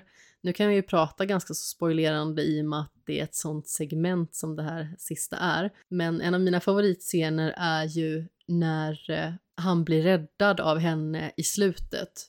Det vill säga när han har legat i den här kammaren och laddat upp sitt medvetande till sin avatar. Han har blivit utdragen ur den och han kommer liksom inte åt sin syrgasmask och håller egentligen på att dö och förtvina bort hon kommer in och räddar honom och sedan så håller hon honom i sin famn. Och det är liksom den här stora blåa varelsen som håller liksom den här lilla killen och jag tycker ändå att det blir en väldigt fin scen just på grund av att det är en så annorlunda balans i relation till hur det brukar vara när det gäller om vi säger manligt och kvinnligt. Här är liksom den stora starka krigarkvinnan som håller i den här lilla mannen som inte kan stå och inte liksom kan få tag på syre.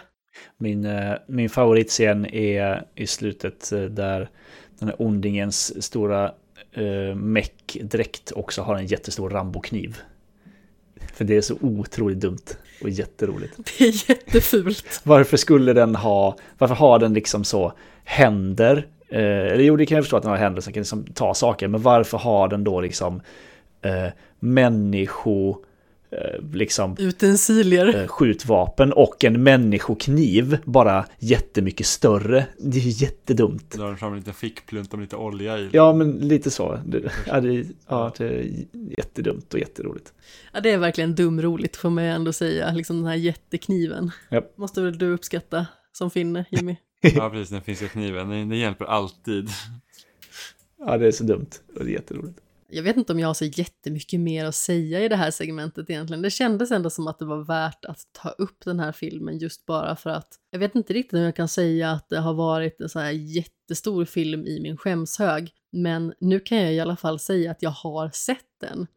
Och det finns ju faktiskt en del sådana filmer som man känner att men jag borde verkligen se den här för att kunna dels vara med i snacket och dels faktiskt så har det ju ändå något form av kulturellt värde. Oh.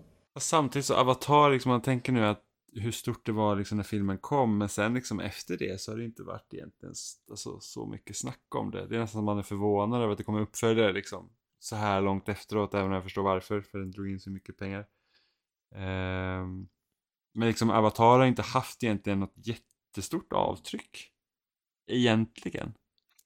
Nej men det är ju precis som du säger att den var ju liksom en stor grej när den kom. Det är väl, är det inte fortfarande den mest inkomstbringande filmen någonsin? Jag undrar om inte typ någon Avengers-film har gått om. Ja, Var inte det Endgame? Det kan hända att Endgame gick förbi ja. Men annars var det ju liksom Det var ju Avatar och den gick förbi Titanic liksom. Ja. Så. Nu killgissade jag å det grövsta vill jag bara säga. Så skicka inte hat och hot och inga typ kottar eller någonting sånt argt. Jag vet inte om man, om man eh, eh, jag vet inte om man får, får, eh, får googla under inspelning på eran podd.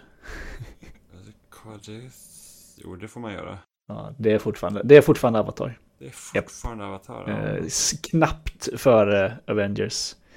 Eh, och sen är det ju eh, James Cameron igen med eh, Titanic. Det är, det är ändå Ja, det sjukt. Det är sjukt att han har två, de, två på topp tre av de mest inkomstbringande filmerna genom tiderna. Det är helt galet. Det är ändå imponerande. Ja, det är sjukt. Är det. Men eh, med det sagt så börjar det väl bli dags att, eh, jag vet inte, snöra ihop den här presenten igen och ställa tillbaka den under granen. Får man göra så? Om man har öppnat den en gång, får man liksom lägga tillbaka den då? Om man har skurkat sig och öppnat fel, tidigt, då får man ju försöka lappa igen det. Smygöppnat den för att kika vad som finns inuti. Jag vet inte, jag hade inte någon jättebra metafor för det här, men vi ska i alla fall avsluta det här avsnittet och jag frågar dig Niklas, vad hittar man dig för någonstans till vardags? Um, det gör man väl främst på, på svampriket. uh, den här ja, tidigare sajten som ju nu nästan mer blivit liksom ett eh, community eh, och stream, stream crew och podd crew och sådär. Eh, men går man till svampriket.se så hittar man allt ehm, som vi gör. Där kan man gärna eh, hänga med mig och mina kompisar. Nu ska man, eh, nej, man kan, inte, man, kan inte, man kan inte rekommendera någon att, att följa på Twitter nu längre va? Det går inte. Det är bara dumt. Vill ni följa Niklas på Twitter innan stället brinner ner till grunden så Eh, så jag har aldrig haft så kul på Twitter som jag har nu tror jag. Det är helt sjukt. Varje dag är en gåva liksom med, med Elon Musk vid, vid rodret. ja, alltså det här är verkligen definitionen av att faila. det är otroligt verkligen. Och, ly- ja, ja alltså, hur, kan man, hur kan man sköta det så dåligt? Alltså det känns typ som att han har världens största liksom daddy issue så han vill bara att folk ska tycka Ja. om honom. Ja, det är otroligt verkligen. Ja, det är helt bisarrt. Och han misslyckas fatalt. Ja, Ja, ja, bland, bland eh, en viss grupp av människor och sen blir man jättepoppis bland en annan grupp av människor. Jag väntar bara tills han, eh, tills eh, om liksom ett år när eh, det skrivs spaltmeter om liksom Twitters fantastiska resa till världens mest inkomstbringande bolag liksom. Ja, det Kommer ju säkert att hända. Alltså, forskarna i medie och kommunikationsvetenskap, de klappar väl händerna av lycka när de kommer att kunna forska om det här i framtiden också. Åh gud ja. Eh, Trump och sen liksom, det bara blir värre och värre. Ur ledartiden. Mm. Såg jag nu typ, han hade ju gjort en sån här omröstning nu att, ja men ska jag, ska jag avgå som vd för företaget, ja eller Mm. nej? Och sen så hade typ, så leder ju ja-sidan då för att, Ja, vann med bra om han får- 60-40 ungefär. ja, ja, ja precis, så får man ju se hur han gör det. Men sen typ så här, Kyle Ritterhouse hade tweetat typ, alltså han är som tog en uh, automatkarbin och sköt ihjäl folk i de här protesterna. Eh, hade typ tweetat att nej men det är bara bottar som gör att ja-sidan leder. Och då är det så här, men alltså, vi har verkligen kommit till den punkten att så fort någonting inte går ens väg, då kan man bara säga att det är fake. Då kan man ha en, en massmördare som eh, säger att ah, men det är lugnt, det är Ja. fake, det är bara bottar. Och folk bara ah, Ja, okej, ja, ja, ja, men det litar jag ju på. Du har ju, du är ju verifierad på Twitter. Du har skjutit folk. Ja, har kommit undan Ja, med som man det. har köpt. Ja, gud, nej fan. Det, är, det är för jävligt. Men något som inte är fake, det är ju du Jimmy. Var hittar man dig jag, är, någonstans? jag är på riktigt. Jag finns ju också på Twitter, men jag tweetar så sällan så det är ingen idé att följa mig där. Även om stället håller på att brinna ner. Eh, men jag pratar om spel i spelsnack. Så surfa in på spelsnack.com. Och eh, jag skriver om spel på loading.se. Och även jag både pratar om spel i spelsnack och skriver på loading.se. Och vill man eh, följa mig så heter jag ju Kapten Sten på sociala medier, Sten med två E. Skämshögen finns ju naturligtvis på tidigare nämnda plattformar och eh, går ju att följa där naturligtvis under Skamshogen. Det går också att skicka mejl till skamshogen om man så vill. Jag börjar bli lite trött ska jag villigt erkänna också. Vi har ju faktiskt suttit här väldigt länge. Vi är ju snart inne på tre timmar tillsammans. Och då börjar det faktiskt bli dags att säga puss i ljumsken och godnatt. Och god jul! God jul! God jul!